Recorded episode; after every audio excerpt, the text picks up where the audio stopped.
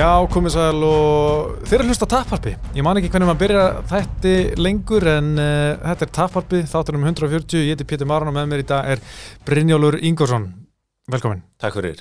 Buff Jiu-Jitsu. Buffy Jits. Buff Jiu-Jitsu. Akkurat, herðu, það er langt síðan uh, við höfum tekið upp, eða ég ætla sem, síðan, sko, þú komst fyrir svona ári þegar tókum Gunnar skýsli frá London, eða þú veist, Já. Gunnar skýsli eftir Húsi London Já. og svo tók ég upp hérna bara í oktober með Steinda Juniors, þar sem fórum mér ímislegt, sko, Alveg rétt. en annars hef ég bara ekki tekið neitt upp og ég hef ekkert verið að skrifa hennan fréttir maður er Nei. bara á ís sko. ég er bara, ég er í kulnun ég er MMA frétta kulnun Já. og ekkert mikið verið að gera neitt og bara er þetta að finna tíma sko. er ekkert erfitt að finna tíma til að taka upp per se heldur það er undirbúningurinn sko. ég, Mhm. maður leggur, leggur mikið að undirbúa sig fyrir það annars er maður bara að tala, segja eitthvað og ég nenni ekki að hlusta á eitthvað þegar ég bara segja eitthvað sko. Nei, nákvæmlega. Það er alveg rétt sko, þannig að þetta er, en þá er bara komin tími fyrir comeback. Já, já, já, já. Það, við Þetta tökum ekki upp, upp núna og, og svo eftir London og svo bara sjáum við til hvað andinn segir sko. en uh, þetta er þáttur nummer 140 og eins og við nú stundu gert taka svona smá sögustund, hvað var að gerast auðvitað í 140? Þetta er eitthvað hug? Mér dættir í hug John Jones, Leo og Machida. Er það er hár rétt, djúveit er þetta naskur varstu búin að skoða þetta? Epic, nei, Nei. en ég bara man svo vel eftir þessu karti. Ég Já. man að þetta var í desember, Já örgulega 2011, eða uh, 2010, Allu, já, rétt. 2011, já. Og ég man, þetta er náttúrulega, þetta er svo episk moment þegar hann droppar hann með þessu Einmitt, sko.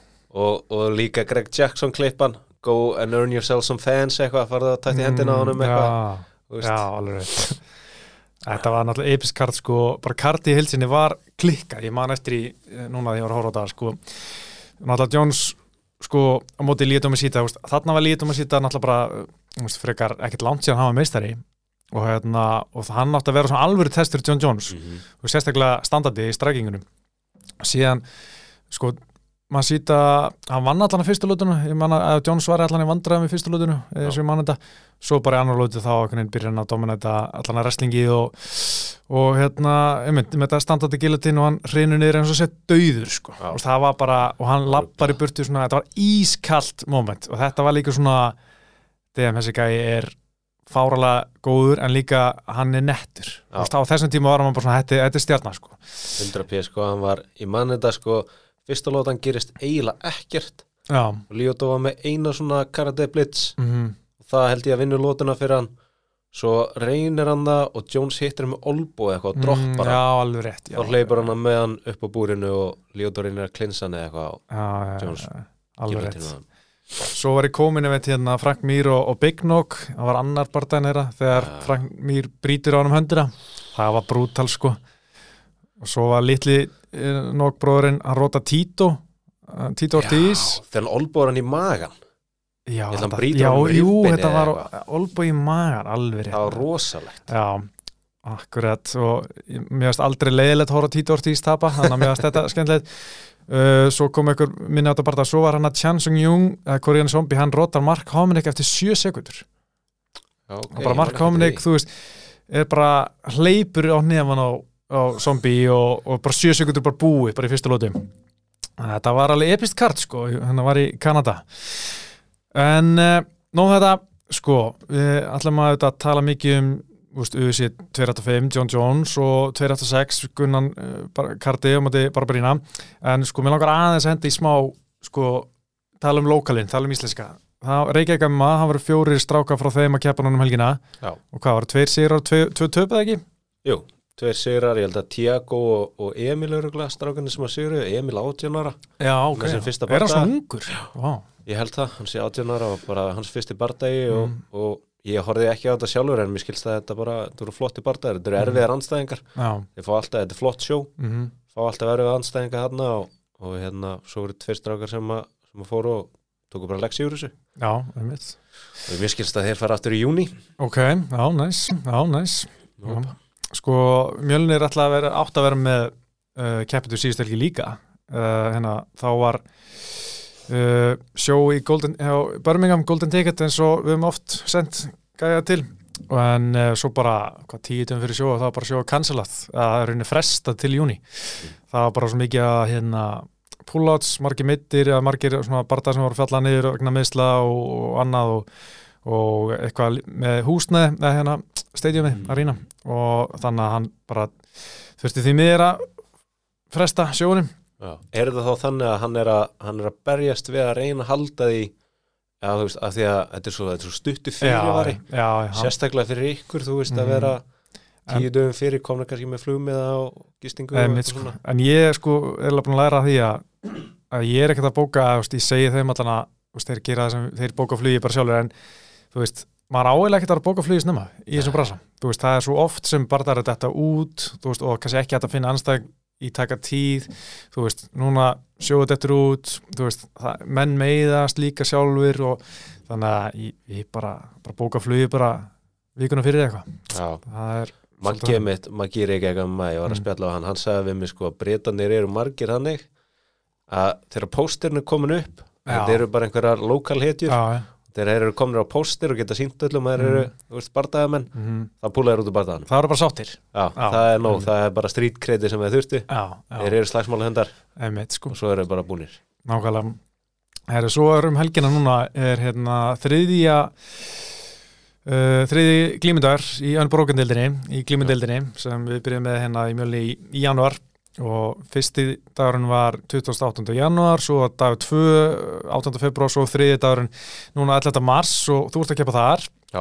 og svo er úrslitin uh, 3. júni, það er deildakefni allir keppa alla og síðan uh, er efstu tveir í deildinni sem fara í úrslitaglými í Tjarnabí á 3. júni. Þú ert í góðan séns að komast í úrslit. Já, ég er, er uh, já, á nokkrar erfiða glímur Mm. Þannig að maður verður bara að taka þetta fara alla leið sko, Já, ég já. verður að klára allar þessar glímur þannig að þetta verður bara döða að dreipast fyrir mig já, þetta vera, sko, það er margar mjög spennandi glímur eftir í, í þínu flokki og hérna margar svona einbyrðis viðregnar millir hérna topp top 5 gæja, sko, Já. hérna í mínu 77 í úrvaldildinni, sko. Þannig að ég er mjög spenntur að sjá hvað gerist í þessar og ég mjög spenntur að sjá hvað gerist í byrjendadeildinni í 77 líka. Það er rosa stór flokkur og byrjendadeildi í mínus 88, það eru sko held ég top 6, geta allir komast í úslit wow. eftir hérna núna á síðasta deginum þannig ég er mjög spenntur að sjá hvað gerast það það er bara frýtt inn og allir geta komið á hann er bróken deildina á löguna byrjum allu í mjöli, smá sjátt herðu við ætlum að tala áruförum í Gunna það er náttúrulega aðmáli, Gunni er að fara að berast bara í næstu viku eða þú veist. Mm eftir eh, tíu daga eitthvað, níu daga á móti Brian Barberina í London UFC 286 en við verðum aðeins að snerta á John Jones og UFC 285 sem var um síðust helgi. Og Jones þetta söppar bara Serilgan í fyrstulótu eftir já, eitthvað, tvær mínútur eða eitthvað. Og ég held að allir hafa bara verið hissa hvað þetta var bara létt og þægilegt. Já, þetta var bara cozy.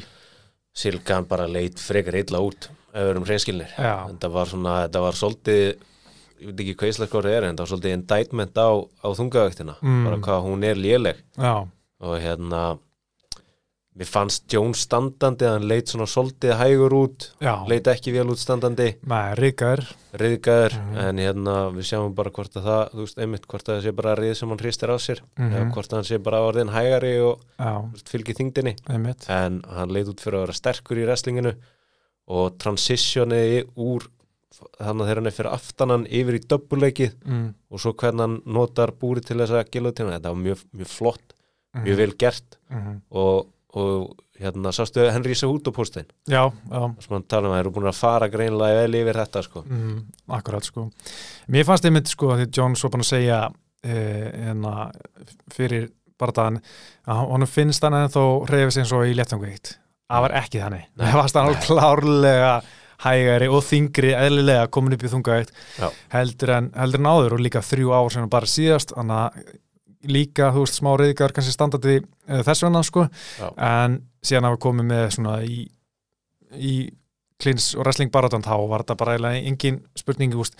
Gan, hann var búin að segja að hann er latur að æfa þegar hann er ekki með barata, Já. þá er hann ekki til gimmunu, hann þarf að hætta því Já, ef hann var að meina þetta og fara bara taka vel til í, í wrestlinginu sko, úst, eins og Jones tók hann öðla niður Francis Ngannou sem er nú Mhm. ekki þekktur fyrir sitt mikla wrestling, hann tók hann niður öðla og ég held að þetta sé bara eitthvað sem Gan þarf að vinna í og ef hann vill gera þetta almennilega og reyna að vera mistari, þú veist, alvöru mistarin þá ætti að kannski bara taka bóði Khabib og fara að æfa með honum þegar Khabib bara bjóða honum eitthvað Já, það, kontu til dagastann og við skulum fara yfir þetta kontu bara með alla þjálfarana og skiptir ekki máli við, bara, við förum yfir þetta saman. Já, bara geggja það ekki ekki en ég hef ekki nefast um að gera það. Já. það sjálfnast sem maður sér þetta gerast kannski eina sem mann eftir var Darren Till og Hamsat Já. og þeir þú veist, gekk ekkert sérstaklega hann til Hann lít sér bara að taka sér niður trekk í trekk já, hvað var það að gera? Já, ég, bara tjamma bara bróin eitthvað. Fá sér kaffi.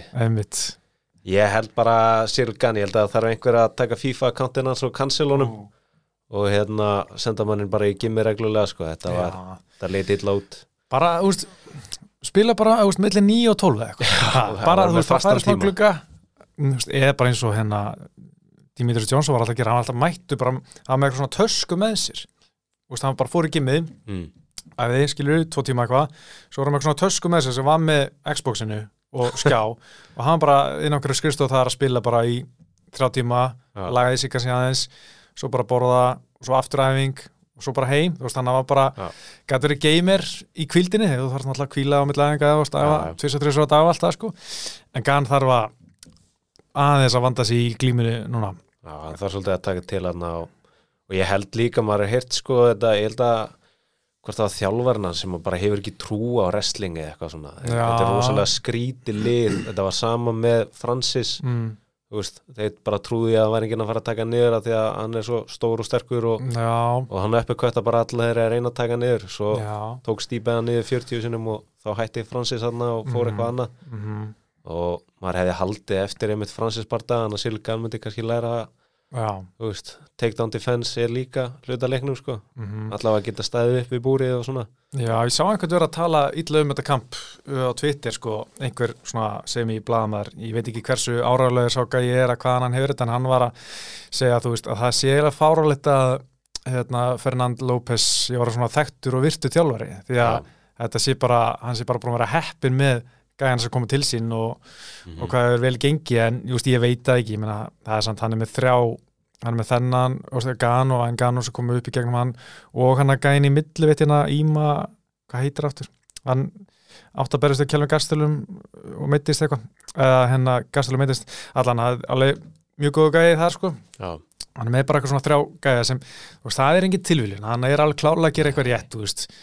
Þetta er ekki eins og með hérna Edmund Tarverdian hérna, Tartjerian og Randrási sko, það var náttúrulega bara hundahefni sko, Já ég meina hann fekk samt þarna Shabazian líka. Já, frá því að hann var 12 ára sko, en nú að fara hann annað sko, Já, já, já, hann að en þú veist þarna getur þú sagt líka, ég meina þú veist með tvo þeir eru báðir í þungaveikt mm, og bara það að vera með athletic þungaveiktara Já, þú veist ef þú finnur út franskur og finnur tvo athletic, það er líka þú veist eins og með hérna einn ganun alltaf frækt að hann ætlaði sér að vera bara bóksari já, já, og Fernand López næra sannfærin um að það er auðveldar að vera með maður bara Mm, það er auðveldar að komast á toppin þar. Já, þú veist, þú ert athletic fara frekar MMA, það er, veist, allir MMA sem eru í þungaveikt eru pulsur. Þú veist, og hann, já, sýnið það á sanna skiluru Já, svolítið, svolítið pulsuleitana en svo koma einn og einn gæi Tom Aspinall og hérna Gann en Gann og sem úst, eru meira en bara, bara þungistrákar sem eru alveg með, Já.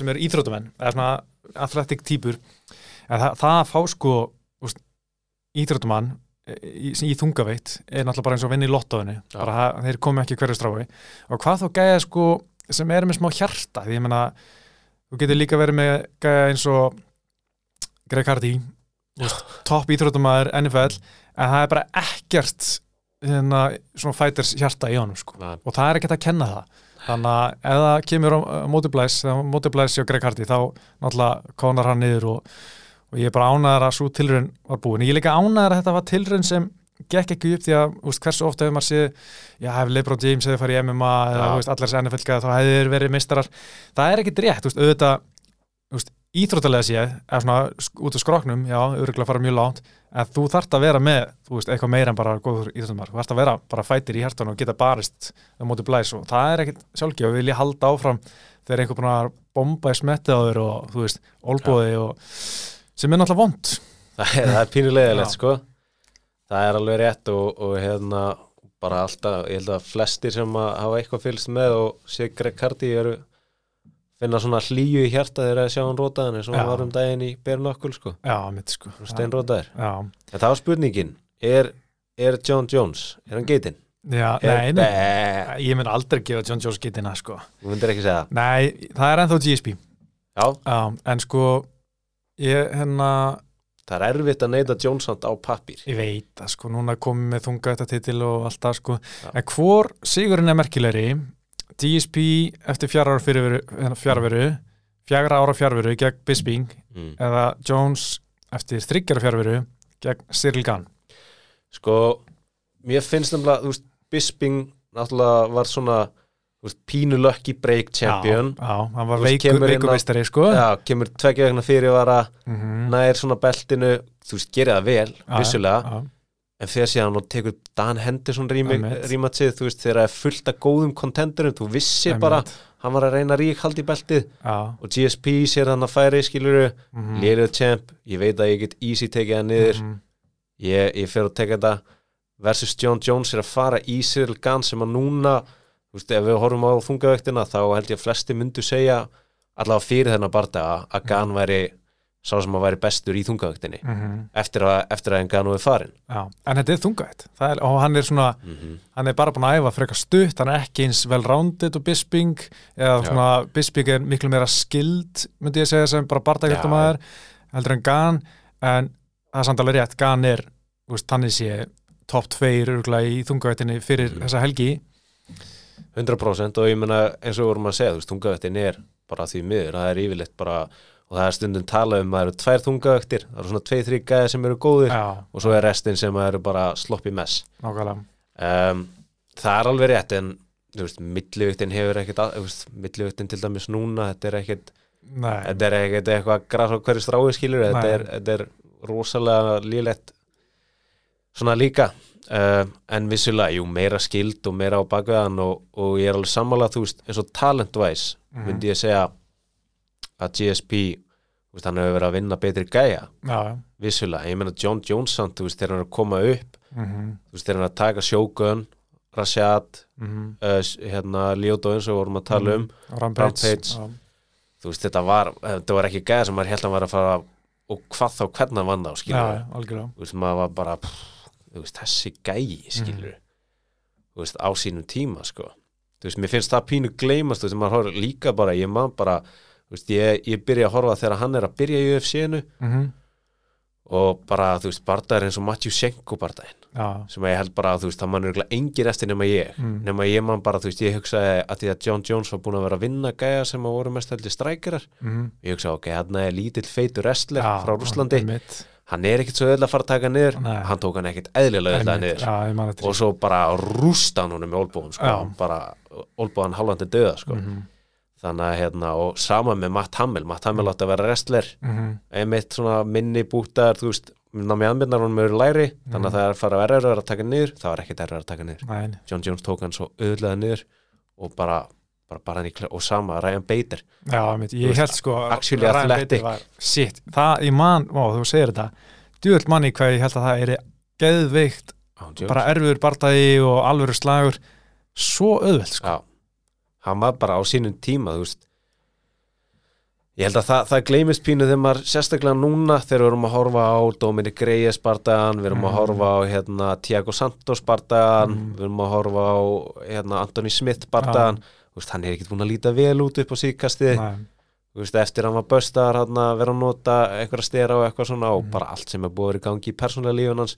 Ég skil, þú veist ég skil menn sem að segja að John Jones getur ekki verið geitin upp á það, þú veist, þú þarft meira heldur en veist, svona sem, sem íþróttamæður þú veist, þá ertu líka fyrir mynd mm, hvað sem á vilt vera eða ekki. Mm, sérstaklega eins og hann eitthvað svona þykist vera rosa maður guðs og eitthvað Já. og er síðan bara að berja konuna sína og Já. kera ólétta konur og eitthvað og bara kókallar helgar sko mm, þú veist, þetta er, auðvitað er þetta ekki topp gæi og auðvitað er þetta ekki gæi sem við ættum að líta og vera hrósa mikið en, en þegar þú horfir á accomplishmentsin, Mhm. bara á blaði mm, aldrei verið sigraður mm, þú veist, questionable dómarákvarðanir, eins og Mhm. við tölum um Reyes Bardagan og Já. Santos Bardagan Gustafsson Gustafsson, fyrsti, Mhm. já en, en þú veist, á blaði skilur við um leið hann er búin að gera þetta og þú veist, þá er þetta rosa erfitt að neitunum sko. Já, það er alveg rétt sko Ég hugsa sko, þetta er náttúrulega eilíðar umræða, gót og Já. þetta kemur náttúrulega eftir hvert einasta kvöld eitthvað svona breytist í hvort,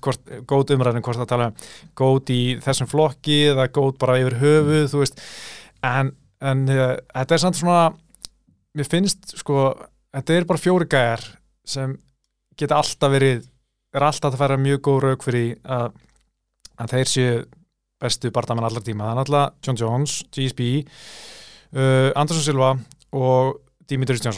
Held að þessi fjóri sé, þú veist, það má alveg ef þú vilt vera í præt runginu að henda fetur á neðin skilur, Mhm. en þú veist, það vantar bara svo mikið skilur í fyrirskrana hjá, hjá fetur miðið við þessa fjóra, sko Já. að ég, þú veist, get alveg og svo henda sumir Khabib en þú veist, hann var náttúrulega bara svo stutt mistari, mér finnst það bara að vanta í hann, skilur, en sem barndamaður aldrei sé eins dominant gæja kannski, þú veist, Mhm. heldur en Khabib allanum, en þessi góðumræða er alveg, sko, mér finnst núna akkurat í dag, það er GSP eða John Jones, mér finnst þeir Mhm. bara að vera svona alveg nekk en nekk og báði með rosalega keimlík uh, afreg, en kannski náttúrulega stærsti munun er að það er svona tvær stóra breytur náttúrulega lifjaprófi hjá Jones og svo að GSP tapa tvísvar í sínu flokki, mm kláraðar tvísvar, uh, ekki? Jú. Matthews og Matsera, já. Já.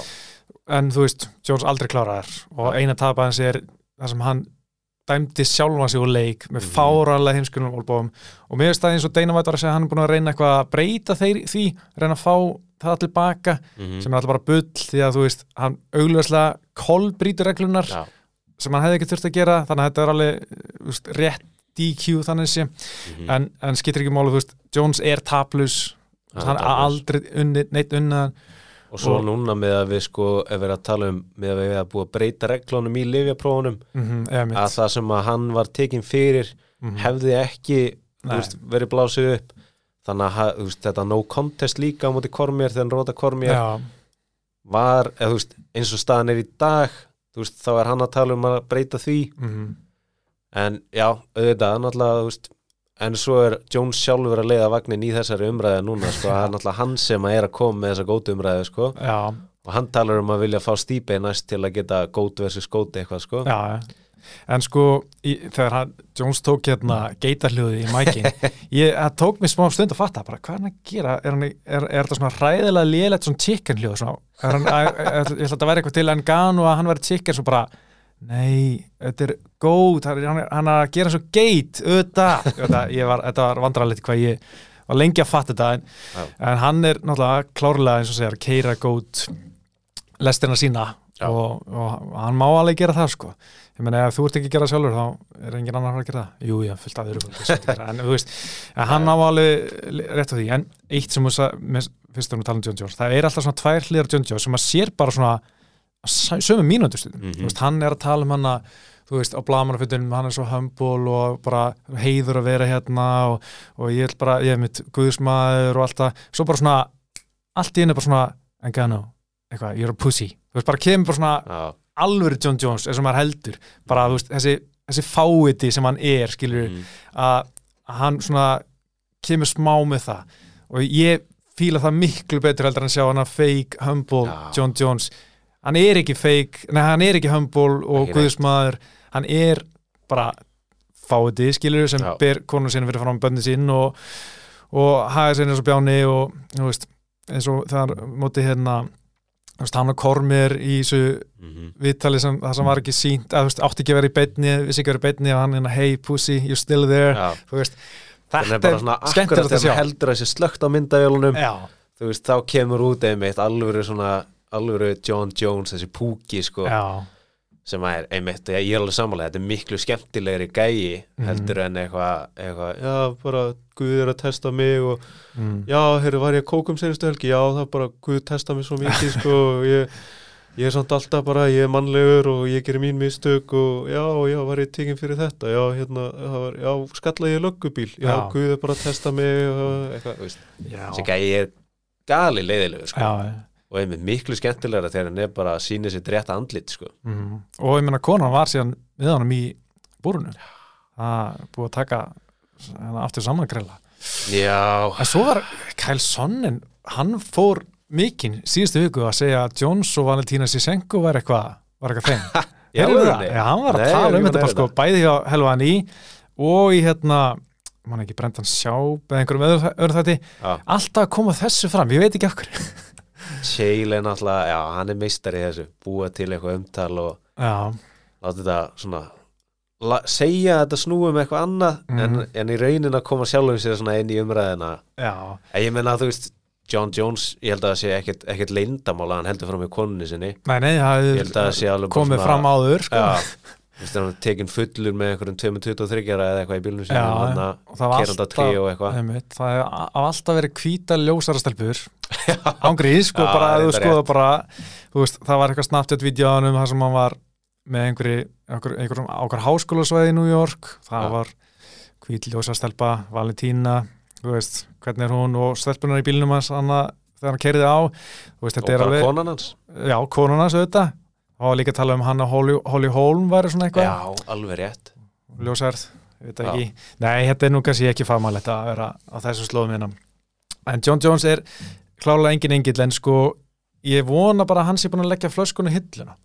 Hann tala um það eitthvað hann sé, ég man einhvern veginn orða hann sé of mikill einhver dímon í honum til að hann geti höndla áfengi.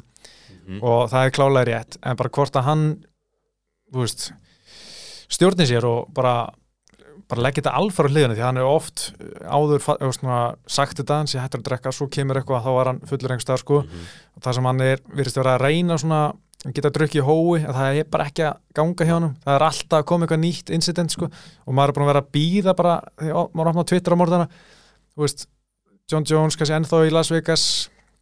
Þú veist, var hann að gera eitthvað núna?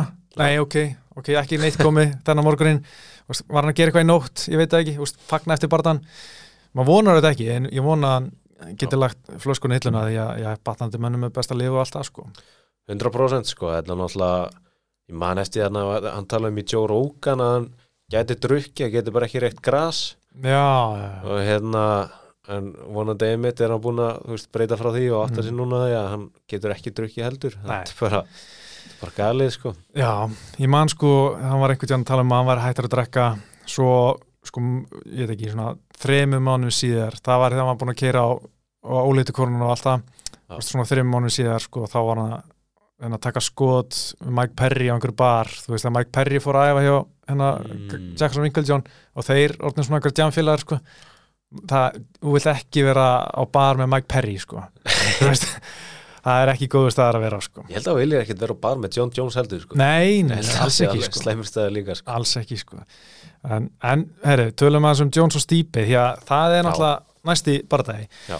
og ég er svona úst, fyrirfram, eða fyrir þennan þessa helgi, hefði ég örugglega sagt já, Stipe getur tekið þetta Mhm. en núna var þetta bara það svona bara flott framstöðu Jones að ég hallast mér að, að Jones en þetta var klárlega erfara því að Stipe er náttúrulega með sitt wrestling og sína felluvörn og hann mun ekki láta Jones taka sér svona niður öðvöldlega Nei. og náttúrulega bara miklu bet- betri boksari Já. heldur en, Jones, eða betri hendur myndi ég segja, Já. Jones veitur með fjallaðin og spörkin og allt það en ef Jones er, er ekki komin í góðan rithma standardi og stípin er að halda standardi þá þetta geti alveg verið alveg bras sko Já. og ég er bara mjög spenntar að sjá þetta en, en akkurat núna myndi ég stípi er búin að vera frá eitthvað 2-3 ár Já. orðin fertur held ég tíminn vinnur yfirleitt ekki, ekki mikið með mönnum en svo er þetta þungauttin það sem 40 er svona eins og 30 í öllum öðrum flokkum, flokkum sko.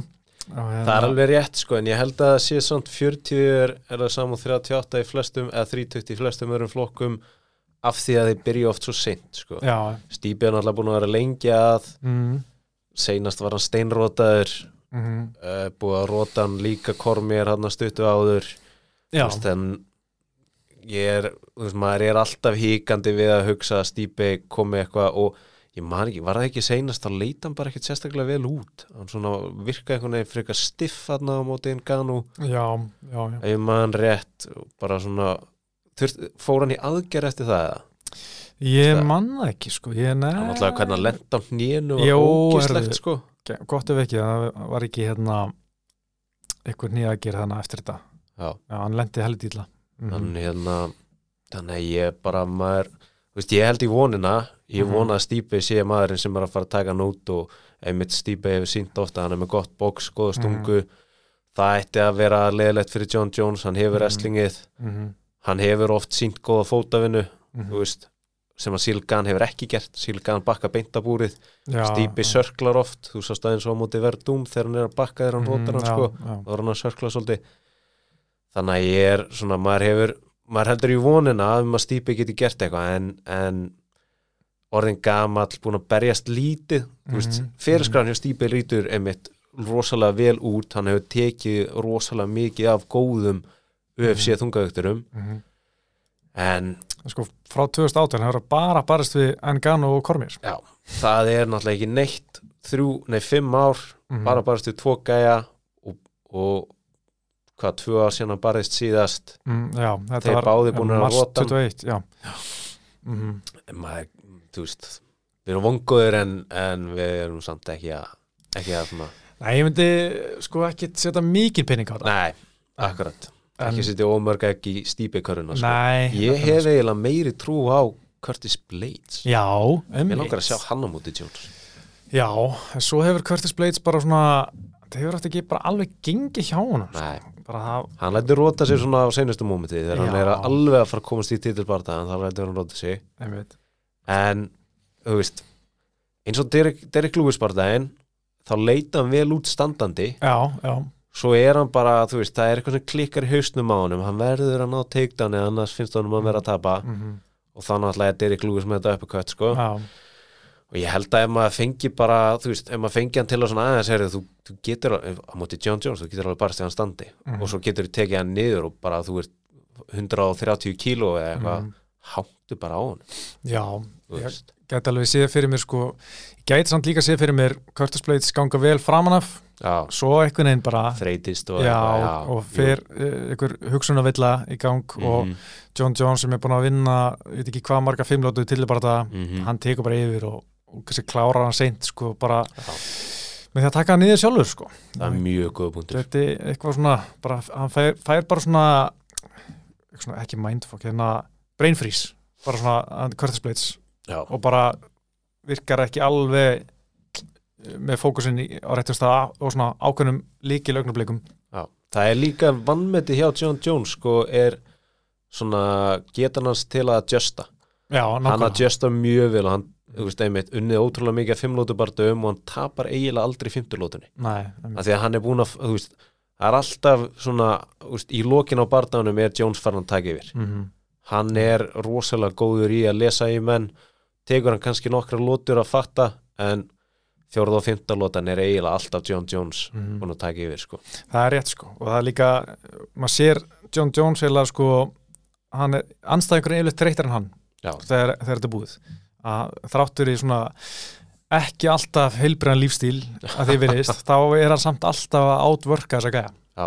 sem er nú bara nokkuð magna og munur ekkert breytast í þunga eftir að hann sé sjálfur þingri sko. Nei, en maður ætti að sjá það, maður ætti að sjá það í þunga eitt en að fara fimmlótur en sko eiginlega fýllin herbygginu, stóri fýllin herbygginu það er náttúrulega Francis Ngannou. Já, hvað ætlar hann að gera næst? Hann náttúrulega yfirgegur við sig að tilkynna núna bara í janúar hann uh, mun ekki uh, endur samt ekki við sig Mhm. neita hann að einhverja 8 miljón dólar tilbúi uh, að því sem Dana White segir eða jú, hann staðfesta sjálfur engan og að hérna og er að sögulum og það var náttúrulega bara bæði bara hann, þetta er prinsipmaður mhm, hann stendur sín, hann vildi náttúrulega, jú, meira borga hann vildi líka fá sko svona universal healthcare fyrir alla barndæmin mhm, hann var að berjast ekki bara fyrir sig heldur alla, mhm USA var aldrei að gefa það Nei. að þetta eru verktakar en að gæsa bara Já. sem eigi samt ekki gera neitt nema USA samt ekki er Já. og hann vildi náttúrulega líka fá leiði til að boksa USA Já. er aldrei að gefa Nei. það nema sko þeir fái eitt þriðja í hinn minnsta af kökunni sko, og það er aldrei að gerast heldur sko, að hérna Nganu sem Nganu og hérna Anton Joshua mætast að UFC var eitthvað það involved í þessu þú veist, þá taka það bara ómikið og allir fá minna þannig að Nganu söglarum Hann Og- vildi líka fá hérna, vildi fá representative frá fæturum yfir í hérna eitthvað svona, einhverja stjórn eða eitthvað innan UFC Einmitt, eða eitthvað, þetta var hann einmitt, hann kom með rosa góða punktana eins og Mhm. þetta með að vera verktaki mm -hmm. að þá ertu bara skuldbundin í þetta verk en átt að geta tekið verk annar staðar líka. Já. þannig að hann, ef þú ert verktaki þá ættir að geta boksa til hliðara, þetta er ekki einu sinni sama vinna Nei, þú veist.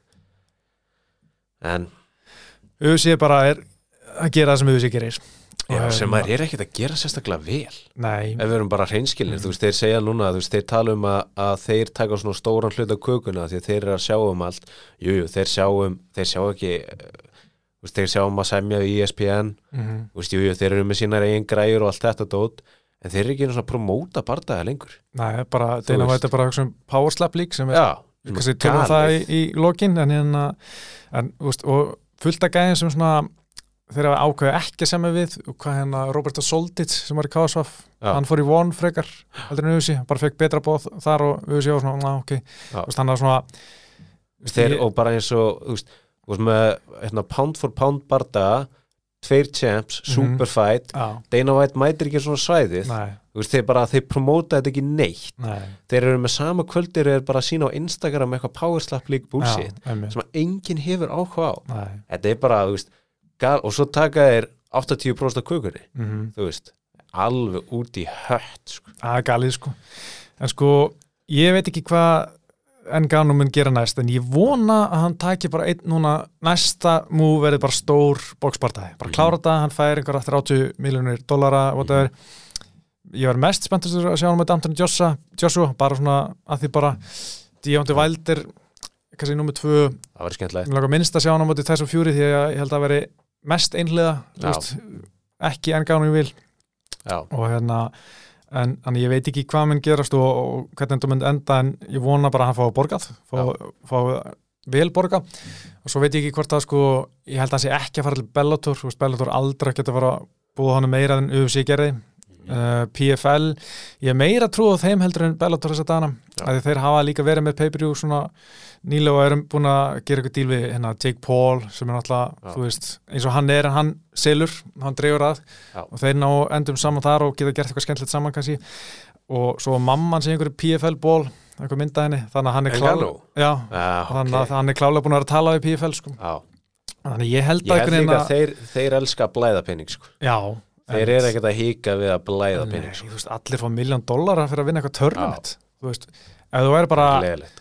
þú veist, í, ég veit ekki einhverjum svona, eins og millivitt Mhm. þú veist, eða léttungvitt þú veist, það er ekki það margi góðir gæjar Mhm.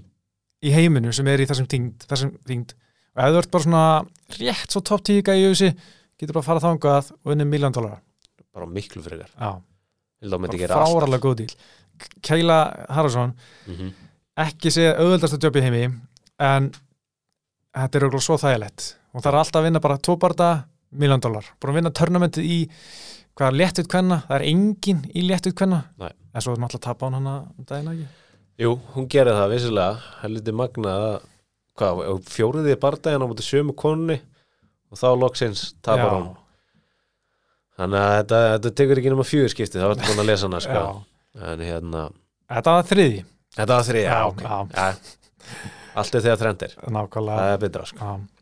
En þægilegt hjá henni bara, hún er bara að kassa vilinn Keila Haraldsson já, og auðvitað myndir maður að gera þetta þú veist, auðvitað myndir frekar heldur en að kötta með tíu pund hafa engan til að berjast við samt í UFC-inu nema að myndu núnes Mhm. og það verður að fá miklu minna að borga. Þú veist, præsfættir, þetta Já, berist til penning en sko, en gánu líka sko ég veldi fyrir mér, ef þetta heldur hún áfram með John Jones, að hann heldur bara áfram að vinna Stipe, svo Curtis Blades og þú veist síðan kannski er hann bara næstíðinu, næst, að fara dætt í svona bara Alexander Volkov eða eitthvað svona gæja, Mhm. hvort að þá séu aftur komin í Jones sem nennur þessu ekki eins og léttingu veikt og, og svona frekar legglastir að hvort að þá verður við svona, að hvort að Jones verði þá að fá Engano já, frekar heldur en Engano verði að fá John Jones.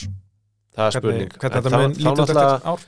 veltur aðeins á því hvað, hvað og gerir og hvernig hann lítur út mm, í því sem hann gerir. Já, ég er alveg sammálegur, ég myndi vilja sjá ég held að fyrir mig var nummer eitt í óndi og eldir bara upp á að ég held að þeir varu þú veist, það var náttúrulega bara firefight já. og ég held að og í mestan sens þú veist, mm, á hann er ekki að fara að vinna alvöru boksara nei, aldrei veist. En ég er sammála, þú veist, auðvitað á hann bara að fara þarna og fá alvöru, alvöru payday og svo einmitt, þú veist, hann og svo, þú veist, svo er líka spurning hvað hann vill vera að gera, hvernig hann vill vera að semja vill hann taka einhver langtíma samning eða vill hann Mhm. vera bara að fara einn og einn einhver staðar, Ég held að vera frekar þannig, einn og eitt sko já, Já. þá náttúrulega hann alltaf sens á að endur semja við UFC-ið mm ef að einmitt ef að þetta verður eitthvað sem að kýlar nóg mikið -hmm. og það er, það er alltaf, þú veist hann er alltaf að labba í burtu sem þunga þetta meistarinn hann, get, hann getur Mhm. alltaf mætt tilbaka með beltu og sagt, Mhm. ég er þunga þetta meistarinn Ég tapa þessu aldrei sko. Já, Þetta er ennþá heima í stofu hjá mér. Já, Já, nákvæmlega. Herri, við erum komið 40 mínútur og ennþá í John Jones. Við erum Já. eftir að taka Gunnar sko. Það er bara svo mikið að ræða með John Jones. En ég, Þið getur bara spólað eða eitthvað. Ég ætla hann að fara í Rachmanov og Grasso og eitthvað bara kannski setna, bara setna. Herri, Gunnar Nelson, Brian Barberina það er núna partæðin. Uh, Gunni áttu uppaðalega að mæta Daniel Rodríguez. Hann er átt uh, hann er ekki Nei. uh, sko ég veit ekki hvort þið megið setja segjum þetta bara, þetta kemur kannski einhvern tíðan fram. Sko, sagan segir hann týndi Já. og það sko alveg 6 til, 8, 6 til 4 viku fyrir bardaðan þá var samt, var samt ekki nægu tími til að fá nýtt veðabref til að geta flóið til London því að hann hefur aldrei barist utan bandrækina mm. aldrei barast undan, utan bandrækina ég held sko hann hafði ekkit endlega týnt veðabrenninu sinu ég held bara hann hafði ekki fengið leifi kannski til að fara inn til.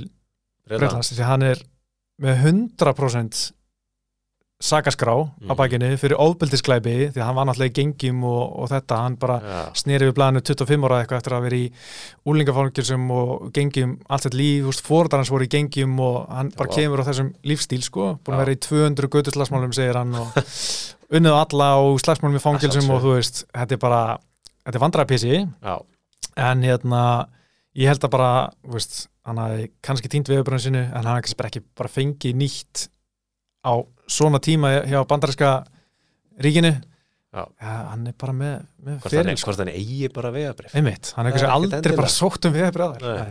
það er ekkert sjálfgeði hjá þessum kurnum fara ekkert er bara mikið sko. út fyrir landið sko Nei, og sérstaklega maður náttúrulega veit ekki hvernig sagan er, veist, hvernig sagan hans er og fóröldur hans og mm. þú veist, legal status og allt þetta dót, sko já, já, já, ég ætla ekki að segja neitt með það en, en hérna, já og sérstaklega einmitt, ef hann er búin að vera í gengjum og eitthvað, það er ekkert vist að breyta vilja fá hann bara inn í landi Já, ég, ég þekki það ekki en, ég er bara svona flegið sem fram hérna, algjörlega bara speculation.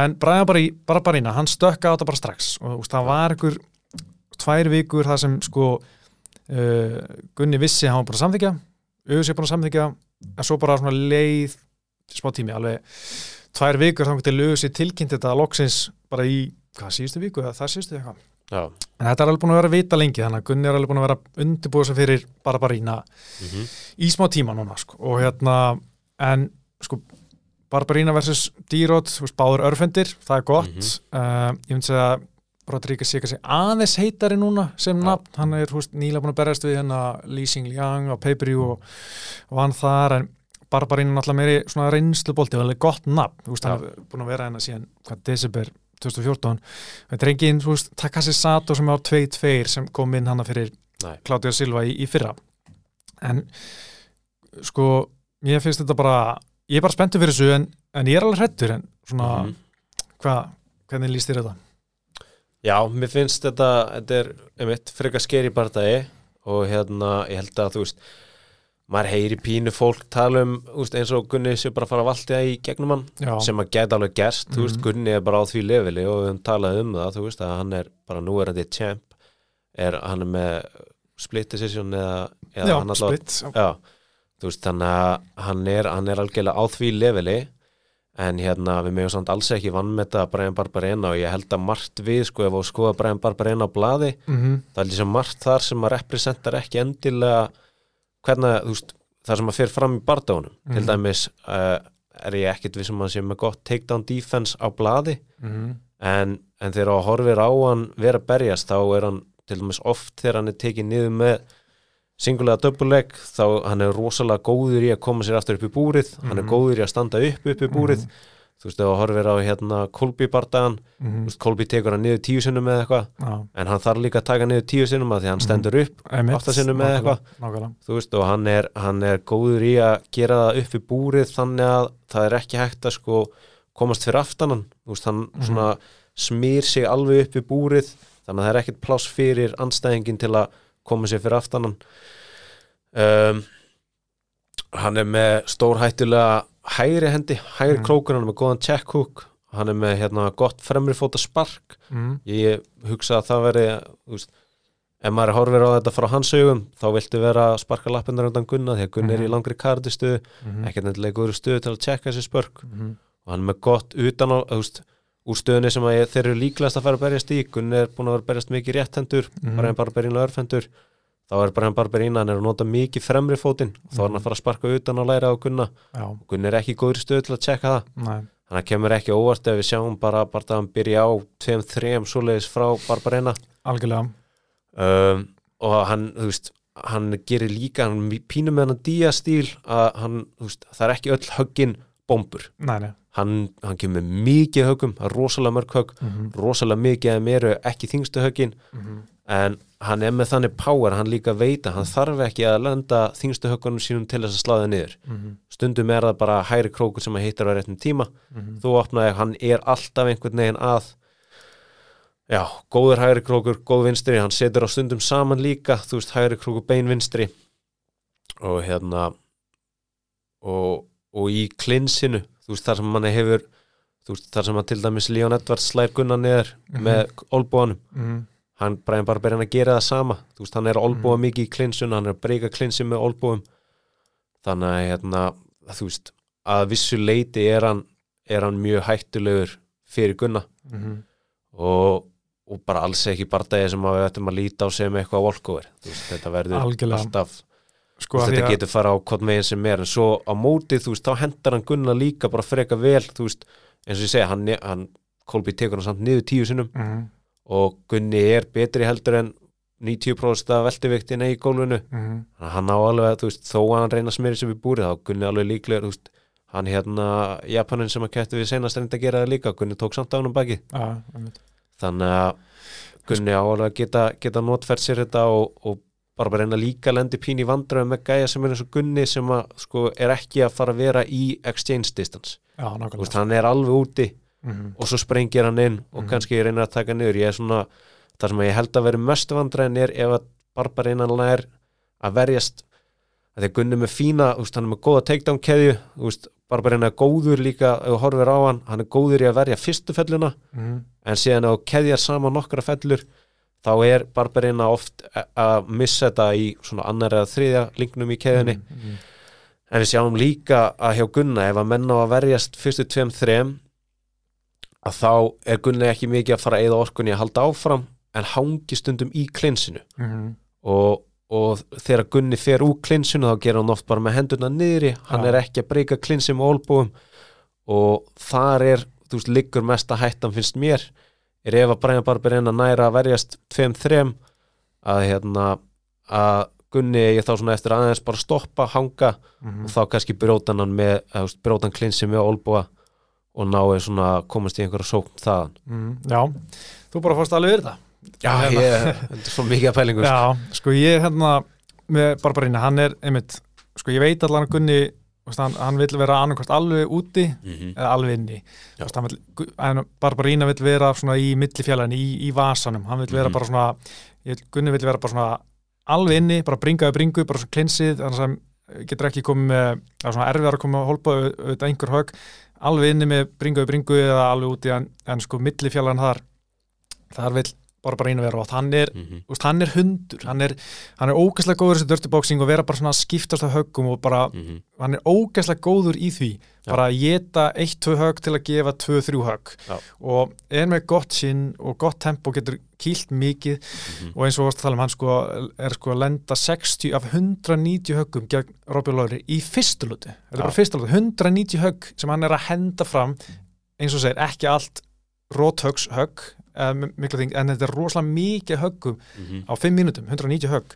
Og þetta bara lendir bara 60 sem er ekki sérstaklega góð prósenda, Nei. en samt 60 högg sem fara í þig í einn lötu og frá höggþungum gæja veist, þá er þetta og, en þetta er einmitt, veist, þetta er líka til dæmis það sem hann gerir svolítið er að hann bakka bara á búrið. Hann býður mönnum svolítið inn. Þú veist, hann segir, herði, hvað þú bara og vertu hérna og slasta hans við mig, og hérna einmitt eins og þú segir, hann vil svolítið berjast í þetta kalla fónbúð á veist, hann vil bara hanga þarna inni og vera berjast. Og þetta er náttúrulega að henda Gunna ágætlega sem að Gunni pressa menn mikið upp í búrið. Mm Brian Barberina er bara að fara að bakka þangað. Já, og ef Gunni er mikið að feinta og ekki, veist, ekki gefa sér færi þá held ég að Barberina verði líka pyrraður mm og þannig ef þetta fyrir aðra lótu þá get ég séð eins og á móti Randy Brown þar sem að Brian Barberina í annari lótu byrja bara að hlaupa eftir honum. Já, já, veist, þetta er svona þannig að ég held að Gunni verði líka ég held að Gunni verði að vera rosa á tánum og tilbúin einmitt eins og þú segir, hann er að kasta rosalega mikið og hann vil vera að exchange allan tíma hann er í rosalega góðu formi já. þú sér það ekki á honum, hann lítur ekki út Nei. svo mikið af þessum gæjum, með smá tunnu, hann með smá tunnu en Nei. það er bara orkaðar, það er tankur að- það er alvöru tankur á honum sko. Mm og svo líka með sko uh, ég get alveg séð fyrir mér að, að hérna, bara bara ína, hann reyna alveg að taka gunna niður sko, þú veist, í Já. klinsunum við búri búin að snúða þessu við, við sáum að líka sko á móti hérna Dos Anjos hann tapa fyrstulótu þar sem Dos Anjos bara reslar hann, tekur hann niður og heldur hann niður alla lótuna önnulóta byrjar og Barbarína inn í setja klinsi við Dos Anjos og allar reyna að taka hann niður mm -hmm. sem endaði ekki vel þetta Nei. var sannjá snýri stöðinu við strax og tók hann niður og klára hann Já. en hérna, ja, hann er samt alveg þú veist, með það mikla trú á wrestlinginu sínu hann getur tekið hvert sem er niður. Hann er ekkit, ætlaði ekki að vera með þannig gameplan gegn Dos Anjos að forðast það alveg. Hann Nei. mun örglega ekki gera það á móti Gunna þó hann hafi þetta enda illa hjá hann síðast. En hérna er hann er ekki líka að æfa með Mark Coleman? Nei, það, nei, það var anstæðingur hans já, í. Brown já, Já. en með hérna nei, Matt Brown, Á Matt Brown, já, Matt akkurat, já. En sko, ég hef líka ekki sér neitt, nema kannski Dósinan síðast, sem hefur farið í gegnum bardaði við Barbarína, hvað sem er unnið að tapa, sem kemur bara svona á þess að vera með skráma á sér. Já. Þú veist, þú erst, og Gunni þarf að vera tilbúin í mögulega 15 ógeðslega erfaða mínútur, Já. ef hann er ekki klára, því að hann mun alltaf gera þetta einhverju helvitis stríði Já. og vilja gera það og er góður að gera það og vinna þannig stríð. og best Gunn- allan tíman Já, og Gunni er ekki tektu fyrir að veist, vera einhver stríð og hann vill auðvitað ekkert vera í einhver svona bróli og, og ef þetta fyrir bról, þá er bara að fara að vinna sko. Mhm. Gunni vill gera þetta náttúrulega miklu tæknilegra og, og hnitneira og líka bara að Ok. við sér bara svona statsi, þú veist, Gunni er að lenda sko 1,8 höggum á mínundu sem er mjög lítið, bara bara 5,9 á mínundu, en svo er Gunni að lenda sko 60% högga sinna og meðan bara bara rétt svo 40 og 8% eitthvað mm þú veist, Gunni lendi miklu fleiri högum, Mhm. eða svona prósutilega sé en Barbarína hendir alltaf miklu, miklu fleiri högum fram sko og ég held, ég líka sko ef við horfum á Dos Anjos bardaðan þá held ég einmitt að fólk horfir á það og það hugsa já, Gunni er líka á þessu lefið sem Dos Anjos er, mm hann gerir bara það sama en Mhm. Þú veist, þú verður samt að horfa það að Dos Anjos er með hann niðri í eiginlega einmitt alla fyrstu lótuna og Mhm. næri ekki að klára hann. Nei, að því að Brian Barberina nota búrið rosalega vel hann kemur sér upp í búrið og hann nota búrið til þess að reyna að skafa menn af sér mm -hmm. og, og síðan að standa upp. Þannig að hann má alls ekki vannmeta hans getu heldur og þú veist eins og þú segir hann er, hann er ekki trættu við að resla heldur Nei, sem á átti ekki að vera. Og, og ég held hann sé mér rétt að hugmynd að vera þú veist að vera með þessa hugmynd, veist, hann er, hann er með mikið góðum wrestlerum í þessum flokk, veist, það er Mhm. mikið góðum wrestlerum í velduvikt og það hefur lengi verið hefur verið þekktur sem svona wrestling hefi flokkur. Þannig að þegar þú ert gæði sem ert góður standandi, þá á ekki hugmyndiðin að vera, ef ég tekið niður þá er það bara búið, þá er heldur hugmyndiðin verður að vera gæti verið að ég verið tekið niður, bara eins og Alexander Volkanovski talaði um, ég, ok, ég verið tekið niður Mhm. ég stend aftur upp, ég get líka tekið hann niður. Sem að Volkanovski gera á móti Íslam Já, þú veist, það sem allir heldur bara ef, að, ef að Íslam nær hún niður það er það búið. Já, já, hann er svo góður í að halda fólki niður nei, mitt hann, ég finn bara leið ég stend Mhm. upp, veist, Mhm. og bara bara eina er með þessa sömu hugmynd og það náttúrulega getur líka verið ógislega þreytandi Mhm. að vera, þú veist, að taka gæðin niður er það mest þreytandi sem á gerir í búrinu. Já, það er svona, þú veist, þegar ég segja Gunni, þú veist, hann vil ekki eða mikil orku eftir, þú veist, að reyna 2-3 takedown það er Mhm. auðvitað vilt, þú veist þú ætlar ekki að gasa sjálf að út, skilur nei, en, en hérna þá þarf að vera bara að finna góða leið til að breyka þannig að þú sért komin aftur í safe stöðu þannig að þú sért ekki í þessu reynsi sem við vorum að tala um að bara reyna þið bestur í. Nei, mitt Sko, það er svona til að summa þetta aðeins þá sko er ég, það sem ég er hættastu við er, er náttúrulega kálvaspörkin og láspörkin bara í hérna bara strax, að ég held að eins og ég, einmitt eins og segir, hann mun byrja bara strax að bomba í lappinar og um síðan eins og maður Rick Story að, að þegar lappinar eru farnar hjá Gunna þá er hraðin að sprengja farin, þá er rosalega erfitt að vera í þessi karate stöðu og með hendunan látt niðri og eða ef hérna, því að fótavenn er náttúrulega vörð nummer 1 og 2 og 3 hjá, hjá Gunna í svona standandi fjalla en þannig að ég hrættu við að lappina fari ef Barbarína er búin að sparka mikið bara strax í fyrstu lótu svo er ég hrættu líka við bara í klinsunni í, va í vasanum einmitt í þessum exchange þegar Gunni er að reyna að ná fellinni, kannski ekki alveg ná og þarf að mynda að breyka að þá komi hættuleg högg. Og það verður ekkit bara 1-2, það verður alltaf 4-5, bara langar fléttur og sem Gunni þarf að vera með bara vörðinu alvar hreinu í, á þeim augnublikum og svo líka olbúar uppi búrið svona Já. niðri þegar Gunni er kannski í löpunum að Já. fara í lappinnar uppi búrið. Að sjáum Barbarín að gera það mikið á móti hver var það, það Darjón Víks? Ég man ekki, ég var að horfa á þetta um Mm. það sem ég svona er alltaf svolítið hrættið á Solba. Já. þó, Olivera gera þetta mótunum mm -hmm. ólulega, en hérna Mhm. en þetta er samt alveg mjög hættilegt vopn þegar þú ert að fara svona í, í mjöðmennar og við sjáum það líka fyrst að tala um Alex Óli vera barðaðan dómararnir er ekkit alltaf að fylgjast með þessu. Nei, það er að sjá þeir það. spotta þetta ekki og, og þegar þeir spotta þetta þá er það ekki mikið meira heldur en heyrðu hættu þessu. Já, nákvæmlega. Þú veist þannig að fyrir barndagamann þetta er, þetta er svo borðuleikjandi að auðvitað brýtur af þér. Já, já, þú veist, auðvitað þú veist, það, það er engar afleðingar. Líka móti Olivera. Gunni liftur um upp Mhm. og hérna Olivera alltaf rík heldur í búrið. Mhm. hann er að leiða niður með að búrið heldur um upp að því hann heldur í búrið, bókstara heldur í búrið. Dómar að gera hlið rístasta, þú veist, standandi upp í búrið, hann þurfti að byrja bara nýtt í teiknarinn, sem er alltaf fárálegt en djöðt gretti Olivera á því. Líka bara að því Bó Nikkal þú veist, hann hjáar hérna Jamie Pickett í pungin augljóslega þó að brottkastaði ekki tala um það. Mm -hmm. dómar sér það ekki, þú veist Jamie Pickett og félagar þeir geta áfriða alveg svo vilja. Mhm. en reglunum segja að dómar sá það ekki þá er ekki þetta að breyta í veist, það eina sem við breyta eftir svona er ef dómarinn miskildi reglunar eitthvað. Veist, þá sem geta að við náttúrulega bara þekkjum líka af einn reynslu Já, með Ponzinibio. Ponsinibio dómar sá það ekki, og hann bara ítrekað brýtur á gunna, ítrekað mm. veist, þannig að þetta er, þetta er þetta er rosalega leiðilegt fyrir okkur svona áhuga mennum sportið að horfa upp á að það er bara hvað það er lítið gert í brotum Mm. Það borgar sér að svindla komast, það borgar sér rosalega mikið Já. að svindla þú veist og þetta er líka Og- ekki eins og í fótbolta þú veist, kemur eitthvað mark, það var í var þú veist, eða það var eitthvað, var í gangi, þú veist, eða það bara þig og síðan herði, þetta var hérna pótu auðvitað, það er ekki þetta að rístasta það er búið rota hann, það er bara barðan er búin, sko, Já. þetta er þetta er hættulegt, skilur, þetta er náttúrulega erfitt að, og eins og Já, það segir, það er eiginlega aldrei overturnað.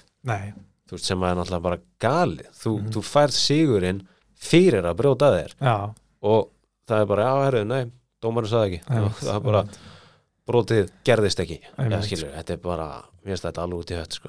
Já, við vonum þetta bara Gunni komi hérna inn sem bara í svona allra besta standi því að hann þarf að gera það til að vinna þetta því að sko, sko aðeins um, um kampið því hérna Gunni náttúrulega sko hefur ekkert bara síðan í mars í fyrra, það mátti taka sér sérstaklega því að hann þurfti að fara í aðgerra nefinu bara stuttu eftir mm -hmm. bara þann hann var alltaf að blæða, hann var alltaf að blóna sér bara þurfti rétt að koma inn ef hann og þá byrjaði að blæða Mhm. sáum við á móti satt og hann komið blóna sér hann bara, bara í, já, í þriðilótu og það þurfti ekki mikið til þá sko. Og það er, veist, var svona verið að laga nefið og, og það þurfti sex mánu bara, í, eða fjóra mánu í no contact þannig að hann, en síðan þá er búin að taka sko veist, eins og hann segi 6-7 mánu bara af góðum æfingum, góðu tempói. En hann fór síðan út til Dublin en hann var bara í eitthvað tvær þrjár vikur þar. Ég hefði viljað sjá hann lengri í, í, í Dublin. En hérna það var náttúrulega Bellator í Dublin kart núna í februar og þegar það var búið þá voru allir farnir, veist, það voru margir þar undirbósið sem voru með barða meðal annars hérna, meini eventi Jaroslav Amosov sem er veldivættameistrin í Bellator sem stóð sér helviti vel Já, var ógæslega góður, rústaði þessum barða Já. og er ríkindi meistari og hérna Gunni og hann voru að æfa alveg eitthvað saman Já. og það, það er bara geggja sko. Gunni hefur varla gæti varla fengið betri æfingafélag Nei. svona pappirum heldur en veldi þetta meistar Bellator. Og aldrei var að mæta honum, eða þú veist, ólíklega. Og þú veist, fáralega high level gæði, örgulega þú veist, hendur sér bara fram, top 10 veldi þetta maður í heiminum, þú veist, alveg þetta henda því fram. Og hérna þeir voru að taka góða ræðingar saman og nokkur mjög góður gæjar í Dublin á þessum tíma. Og hérna Gunni var mjög ánægð með hennar tíma bara fannst þetta að vera geggja kamp og að geggja tíma hann í Dublin, góður randi. Og hérna erfið rounds en síðan kemur hann aftur heim og hérna því að Bellator Dublin bara búið og þá svona allir farnir bara einhvert annað sko. Og fyndi með Jaroslav Amarsson, hún hann er veltið meistar í Bellator, hann er úkrænum aður sko, Já. hann var ekki að fara heim að chilla, hann var að heim í stríði sko, veist, hann er, hann er ekki smá pási til að keppa leiði frá fórsetanum, reyðum að fara að keppa og representa okkur og kemur hann bara heim og þetta vorum að berjast. Hann er búin að vera bara í þessu sko, síðan stríðið byrjaði í Úkrænu sem er klikka, sko, hann getur svo auðveldlega verið að æfa bara í Florida, American Top Team, þar sem hann er líka að æfa, Mhm. þú veist, bara á ströndinni, þú veist tvær einhverja dag, berjast þú veist, tvisar ári í staðan fyrir einu svona ári. Mhm. bara fá einhverja miljónir og hafa kósi, en neini, hann er heima í Úkrænu bara að berjast í einhver stríði, sko. Berjast fyrir landið sitt, alveg maður. Þú veist, þetta er svo langt frá manni sjálfum, sko, Mhm. heldur að maður er vanur, þetta er sko. Þetta er alveg gali, sko. Maður, einmitt, ég, ég heyrði þetta sko að strákanir tölu um að, að hérna, það var rosalega gott fyrir Gunna að fá hann sem æfingafélag. Mm -hmm. og þær hafa verið bara mjög góða lótur og hann hafi gefið honum, gefið honum mjög mikið að fá þessa, þessar æfingar sko ég hefði viljað sjá þetta bara. Já, jóks fá bara upptöku að þessu takk. Hérna, hann var líka eitthvað að tala um að fara til Leon Edwards að í Já. honum tími reyninget, Leon var að byggja um það því að náttúrulega Leon er að fá til Úsmann á þessu karti og hann Mhm. vill fá einhvern til að resla við sig, að glíma þessu en bara, ég held sko að Gunni hafa ekki viljað fara í miður kampi. Því veist, hann er náttúrulega bara undirbúið á sig. Veist, hann er ekki þannig til að hjálpa Leon endilega, hann er, hann er að hugsa um sig. Já. og ég held að sé ekkit gott að fara eitthvað nýtt gim í miður kampi. Því að þú veist, veist ekkit hvernig stemningin er ræðingum, Já. er þeir að spara fárálega hart, hverjir eru þannig sem eru góðir veist, auðvitað góður fætarar, en það munir vera góður fætir og góður ræðingafélagi auðvitað, 100% þannig að ég held að hann hafi bara ekki vilja að fara í miður kampi uh, þangað, þó það hefur verið geðveitt gaman Já, að sjá það. Og ég held að það hefði verið bara klárlega mjög gott að sjá Líón og, og Gunna æfa.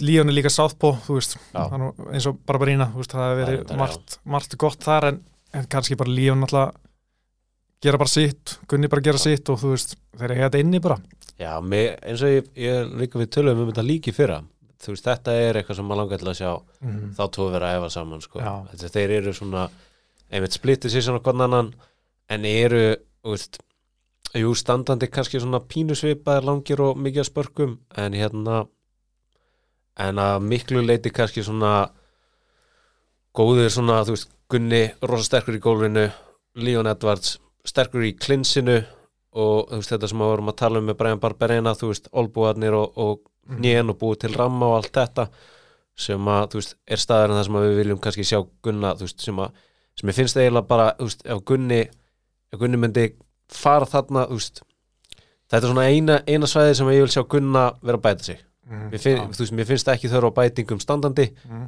og þú veist, það er ekki hægt að segja þessi þörf á bætingum í gólfinu, Mm.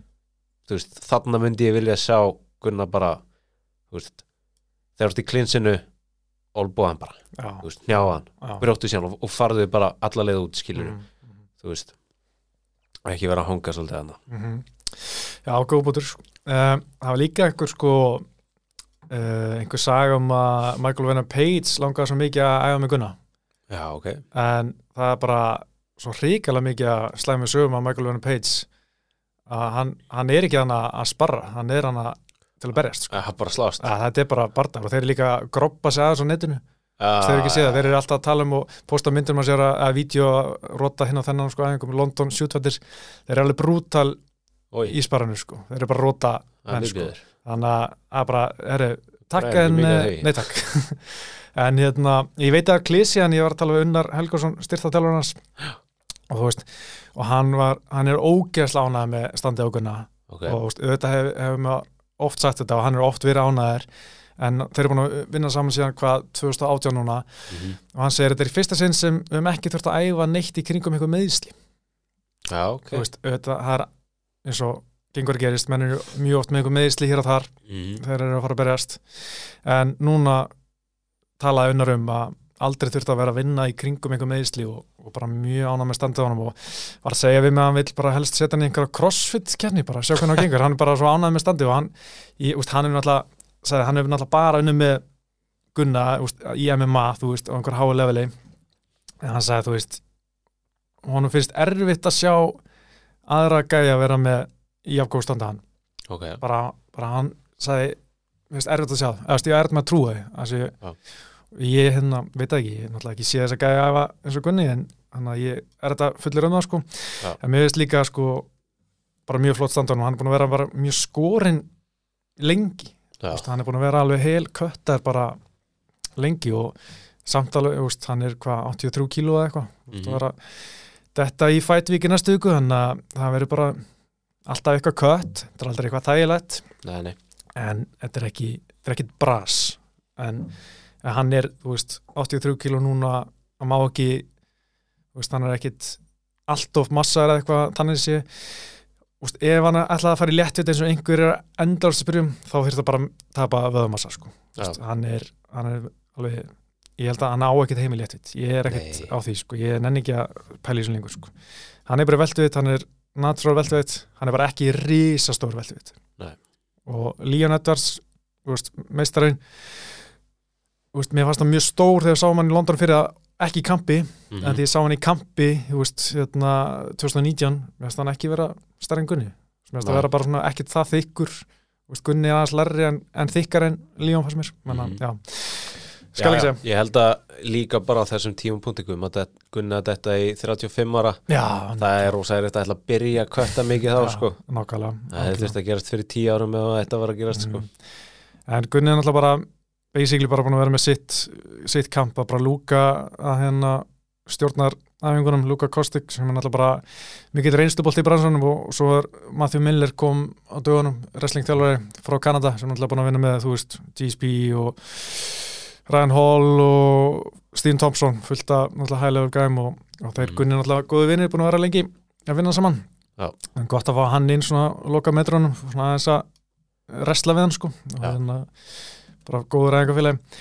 En uh, já, Barbarína hann er að æfa hjá Jim O sem ég hef ekki teirt um áður en það er í Norður Karolunni það er svona, þú veist, það er fleiri auðvitað að æfa þar heldur en í mjölni en, veist, en samt ekkert eitthvað svona þetta er ekki Amerikan Top Team veist, þetta er, er gæðir svo Scott Holtzman, Joe Solecki já, um, þú veist, fullt nokkur svona bellat og gæðar löp sem maður hefur heyrt en mann ekkert endilega eftir. Já, einmitt sko. Og hérna, hann er frá Tennessee en var alltaf að keira á milli Norður Karolínu og Tennessee sem eru fimm tímar sko, yes. fyrir æfingar. Var að gera þetta hverjum degi. Hverjum degi? Eða þú veist, hver sinni sem fór að æfa Jimmo, bara eins og við vorum að æfa á Akureyri. Nákvæmlega. Keira á hverjum degi bara, Sturlað, sko. og hann, eh, hann var fyrst hjá Emma Lab, þar sem Ben Henderson er og Rick Já. Story var náttúrulega þar þegar hann var Gunna. Hann, að- hann er örgulega á góðu vinni þar en sem Rick Story kannski ég veit ekki ef hann er ennþá í bransunum hann er að vinna sem slökkulismæður held ég í dag Já, ok. og hérna kannski getur deilt einhver góðum sögum með að náttúrulega þjálfarinn er að John Crouch Já. örgulega getur gefið góða punta fyrir þennan bara en stuðlanir, ég fór að kíkja á þetta þeir eru, sko, Gunni er svolítið stór feyrut komur eiginlega óvart, hann var Aha. líka stór feyrut á móti Rodríguez, sko, hann var svona 1,3 á móti 3,7 Rodríguez já, ég held að þetta veri miklu jafnara Gunni og Rodríguez stuðlanir, sko Já. en uh, sko, Gunni er núna cirka svona 1,33 og bara bara hérna að byrja í 3,5 cirka og er að detti í svona 3,8 núna þannig að fleiri Já. er að veðja á, á Gunna en mér finnst þetta pínu lág stuð til Gunna sko. ég held að Já. Það væri svona 1,8, 2,2 eitthvað svolítið en kannski ekki, ég veit það ekki. Ég held að þetta sé mitt þetta sem við tölum um aðan sko. þetta er bara á blaði þú veist, það er svo margir sem horfa á þetta bara á blaði og sjá þetta sem Mhm. borðlíkjandi. Bara Gunni tekur hann niður, það ná allir að taka niður mm, og Gunni er það góður að hann klárar þetta í gólfinu. Já, og það eru, þú veist þetta vonum við að það gerist. Já, það er náttúrulega væri, væri svona besti, besti úrslitin fyrir okkur og það eins og ég segi, eins og við erum að tala um að, að það má bara alls ekki vannmeta Barbarena og, og þú veist, hundin í honum sko. já, nákvæmlega sko. það er alltaf vesinn að fara móti, móti svona gæja sko. mm og hérna uh, annar með Barbarína sko, hann er hann er náttúrulega bóndi hann er bara með sinn, sinn hérna búgarð heima þessar Já, og hérna mætti hvað, síðast að þar sérst að borta bara í bera ofan í smekkbuxum, Já. galla smekkbuxum. Það er ekkit eðlilega hart lúk það er nettlúk sko, það er stíl það er það er því, sko. eitthvað, þú veist, þú veist bara að geta einhverjum joggingalla, þetta er, þetta er típa sko. Já, og hérna alltaf með búin að nagla laka á þessu puttana dætur hans gera það, þú veist Já. velja að nagla laka á puttana með já, móhag eða, eða snóðar með mikið skegg og svona þetta er alveg skemmtileg típa, sko Já, og alltaf í skemmtilegum börnum já, já, hann er, þetta er sem að einmitt þú veist að tala um áðan að- að 190 högg á 5 mínútum Mm. þó ég sé ekki að lenda öll þá býr þetta til rosalega skemmtilegan barda Já, hann er já. eins og við tölum um áðan hann er, hann vil að sé alltaf eitthvað í gangi já, fimm sinnum fight of the night Já, það segir bara það sitt er sko. helviti mikið. En, uh, og svo má ekki glemma hann droppaði Lían Edwards þegar þeir að hann er alveg, með já, hann er að mjög hættulegur það sko. En Líón, utan það, Dominita hann alveg bara tók hann niður og stjórna hann svolítið. Já. og ég held að hann að klára hann í þriðlóti það var ekki, uh, getur það ekki verið? Það var staðist, en hérna ég er allan að mjög vonguður maður er alltaf með trú en, en ég er stressaður, en ég ætla bara að henda minni spá að segja, þetta verði bara decision, þetta verði, verði alveg brasa köplum, Mhm. en Gunni svona náu bara gera nógu mikið til að vinna lótunar og Já. vinnur bara 30, 27 eða 29, 28 kannski Ég hugsa að ég ætla, ég ætla að setja á hann bara aðra lótu að ná að klára þetta í gólunni andra lótu þetta verði svona einmitt, fyrsta lótan verði aðeins að meira svona að finna hann út uh, finna takedowninn og allt þetta og, og að finna hvernig hann reyfi sig úst, finna út hvernig hann er að standa upp og hvað Gunni vil vera að gera við því að justa og ná að gera adjustmentið á milli lóta og, og ná að þá hann baki þegar bara einn barbarinn er að standa upp í annar lótu og klára hann það Já, svona. það var helviti, helviti skemmtilegt sko. Já. það er líka langt sem Gunni er klára. Það var hérna, 2018 á móti Olivera. Komin alveg tíma. Herði, við erum búin að vera alveg rúm á klukkutíma en eh, tökum hérna aðeins lokin uh, Úsmann Líón, það er náttúrulega mjög áhugaður bardaði, titilbardaðin og meini vendið á kartinum Já. Náttúrulega Líón þetta rotaði Kamar Úsmann núna bara í ágúst í fyrra og hérna, þannig að þetta er þriðji bardaði þeirra, Úsmann vann á hana fyrst 2015 og hérna náttúrulega þetta var rosalegt, þetta var bara rótök ársins uh, já, eða öllum held ég. Hann var að tapa Líón og hendur í þetta headkick í fymtulótu og rótar mestaran sem hafði ekki tapað í auðvitað fram á þessu og var að hvað var hann var jafn að bæta með Andersson Silva yfir flesta sigur, hann var ekki að vera að bæta það þá gæti bara tværi mínútur eftir og, og Líón hendur í, þessu, í þetta headkick sko. Já. fáralega vel gert hjá, hjá Úsmann en maður veltir í fyrir sig hvernig Edwards.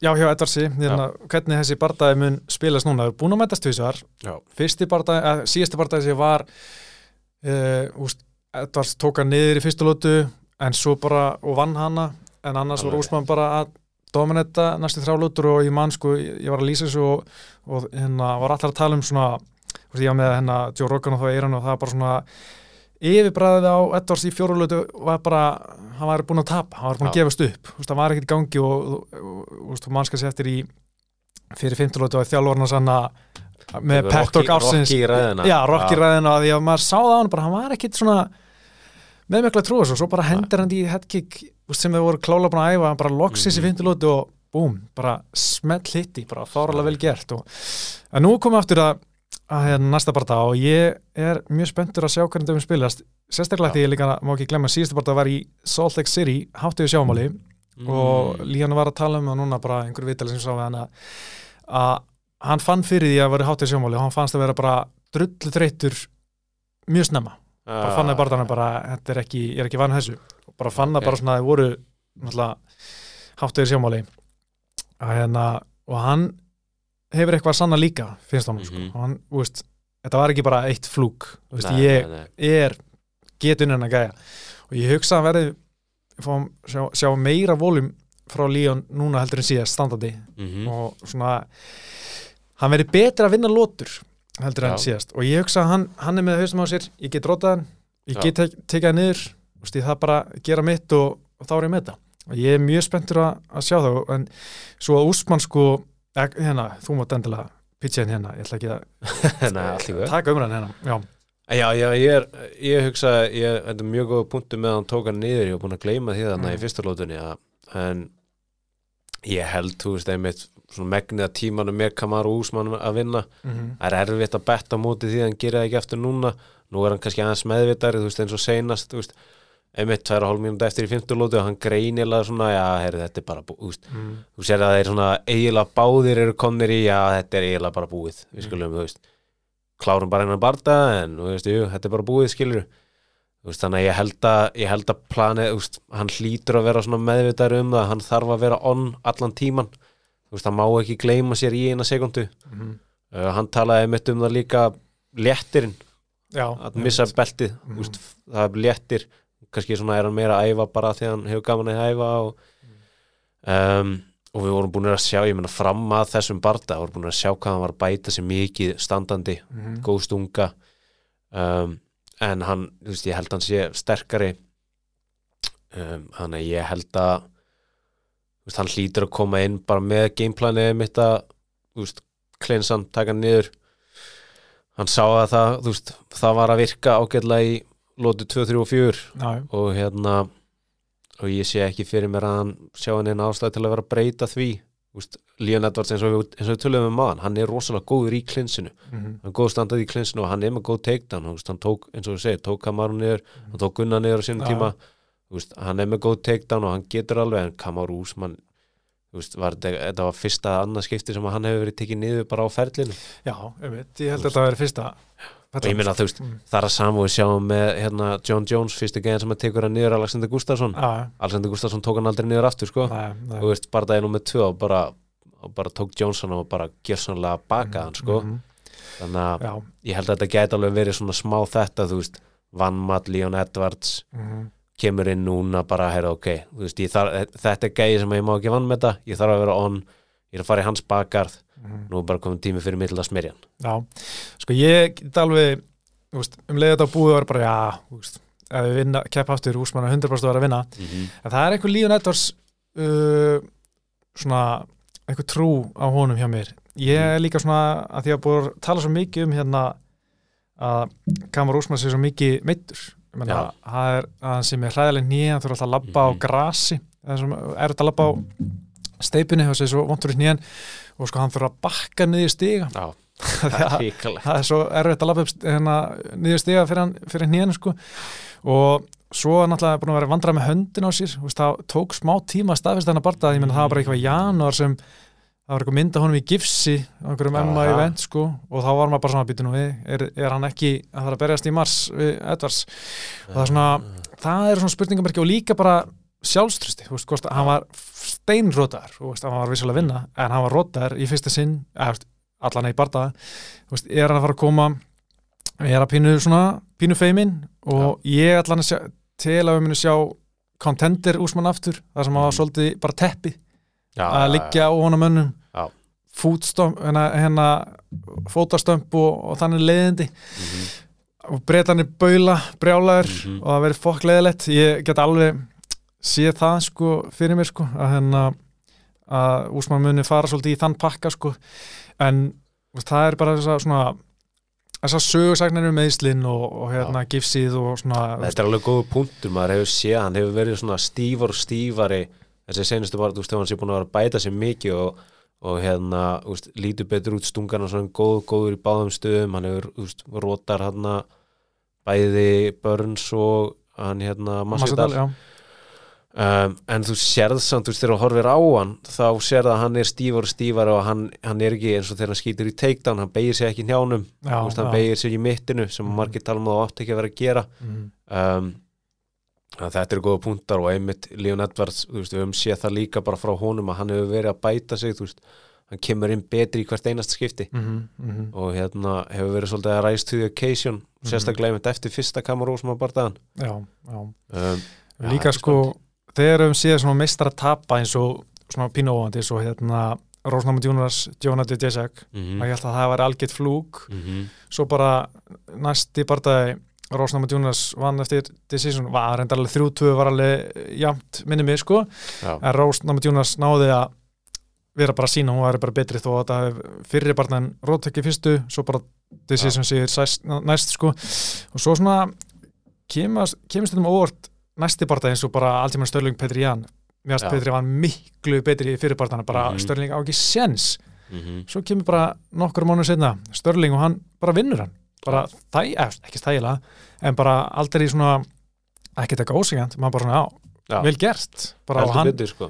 bætti sig greinlega það mikið að ná að svona aðlast og að justa við því sem Petri Ján gerir fyrirbartanum og bara Já. tók yfir sittni og, og náttúrulega núna hann mætist í þriðja sinn hann að maður veit ekki alveg hvernig hvor muni koma betur til leiks heila Já, það er alveg góð pæling sko, þetta er, ég myndi segja samt sko í hináttina og við líka séð eins og sérstaklega með þessu svona, það sem við tölum um sem svona flúk sigra, mm -hmm.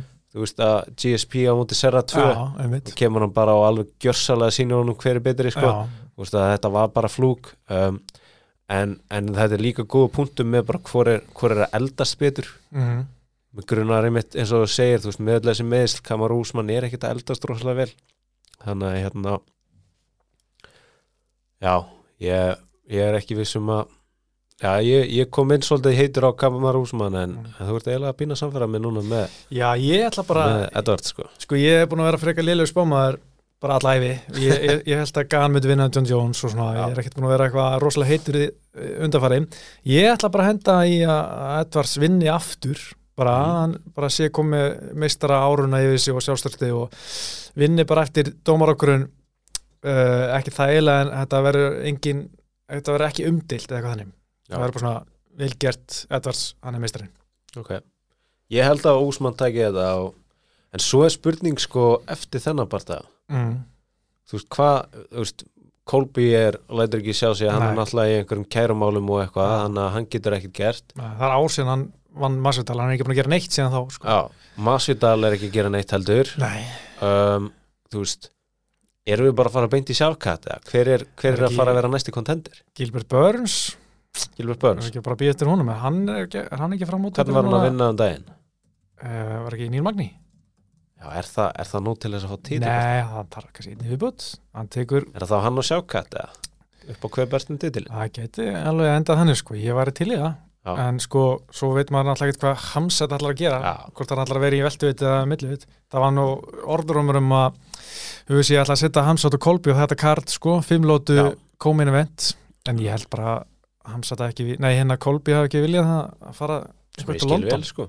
Nei, ég skil bara að hann myndi ekki vilja mæta kamsat heldur sko. Nei, nei, en Ég veit að heldur á ekki Hamsat barist núna við hérna uh, Kjafin Hollandi september, maður er ekki heyrt múk af honum, sko, það er komið mars Nei, nema bara Robert Whittaker Þeir voru að tala svolítið um, um að taka á móti hver öðrum Já, einmitt. En hérna, hann á bara þú veist, hann, var, hann var tíu pundum síðast, já, það er Ah, helvíti hart þetta er ekki hægt sko. Hann er hérna- reisastóðum alltaf sko. Ég líka spá sko, ég hugsa ef að Úsmann vinnur, þá er ég bara þú veist, það kemur mér ekki óvart einmitt með öll þessi meðslu og eitthvað, ef hann myndi bara beila, Já, hann bara tekur titilinn og segir, herri, takk fyrir mig, ég er Mhm. búinn og veist, hann ennir ekki að fá alla þess að austuröfur búa sem að kunna resla einmitt. Og veist, hann bara, takk fyrir mig og bless. Neitt, orðin einmitt, er hann ekki orðin alveg 35 pluss? held, einmitt 35 Já, held hann þá er- ertu svona svolítið komin á og með ónýtt nýja já, hann er 36 í mæ já, Já, Mhm. þá er þetta, veist, þeir koma ónýtt nýja 35 ára og byrjar að meiða sig annars staðar líka Mhm. byrjar að láta róta sig þú veist, Mm. ég held að skinnsama dótið er bara einmitt. Segja bara takk og bless og reyna að fá Jake Paul. Já. Geti gert sko. En uh, reyndar eitt sko ég verð nú alltaf komið smá slúður sko. Þetta er, þetta er ekki fagmannlegt slúður en uh, þetta er svona það er skemmtilegsta slúri já, ég, kannski sko. Það er sko að ég, það er nú ekki langt síðan Úsmann fekk svona Júsata jakka fyrir að standast 50 liðbróf þau eru farin að gefa velum fyrir það Júsata og alls konar gæjar fengið þennan jakka. Mm -hmm. og sé Aldo og hérna ég man ekki fullt að, gæja með að fá svona jakka. En ég horfa á hann að gæja Úsmann, það er ekki sjens Já. að þessi gæji sé alveg klín Mm jú, jú, hann er vissulega frá Níkeri og, og það er alveg ansið gott gen á lotto þar íþróttalega síðan allana og hérna Adesanya, þú veist, úst, og Engano frá Kamerún, þú veist, þetta er alveg þetta er svona alveg algjör skrimsli úst, Mhm. ekkert hérna alveg auðvelt að sjá það.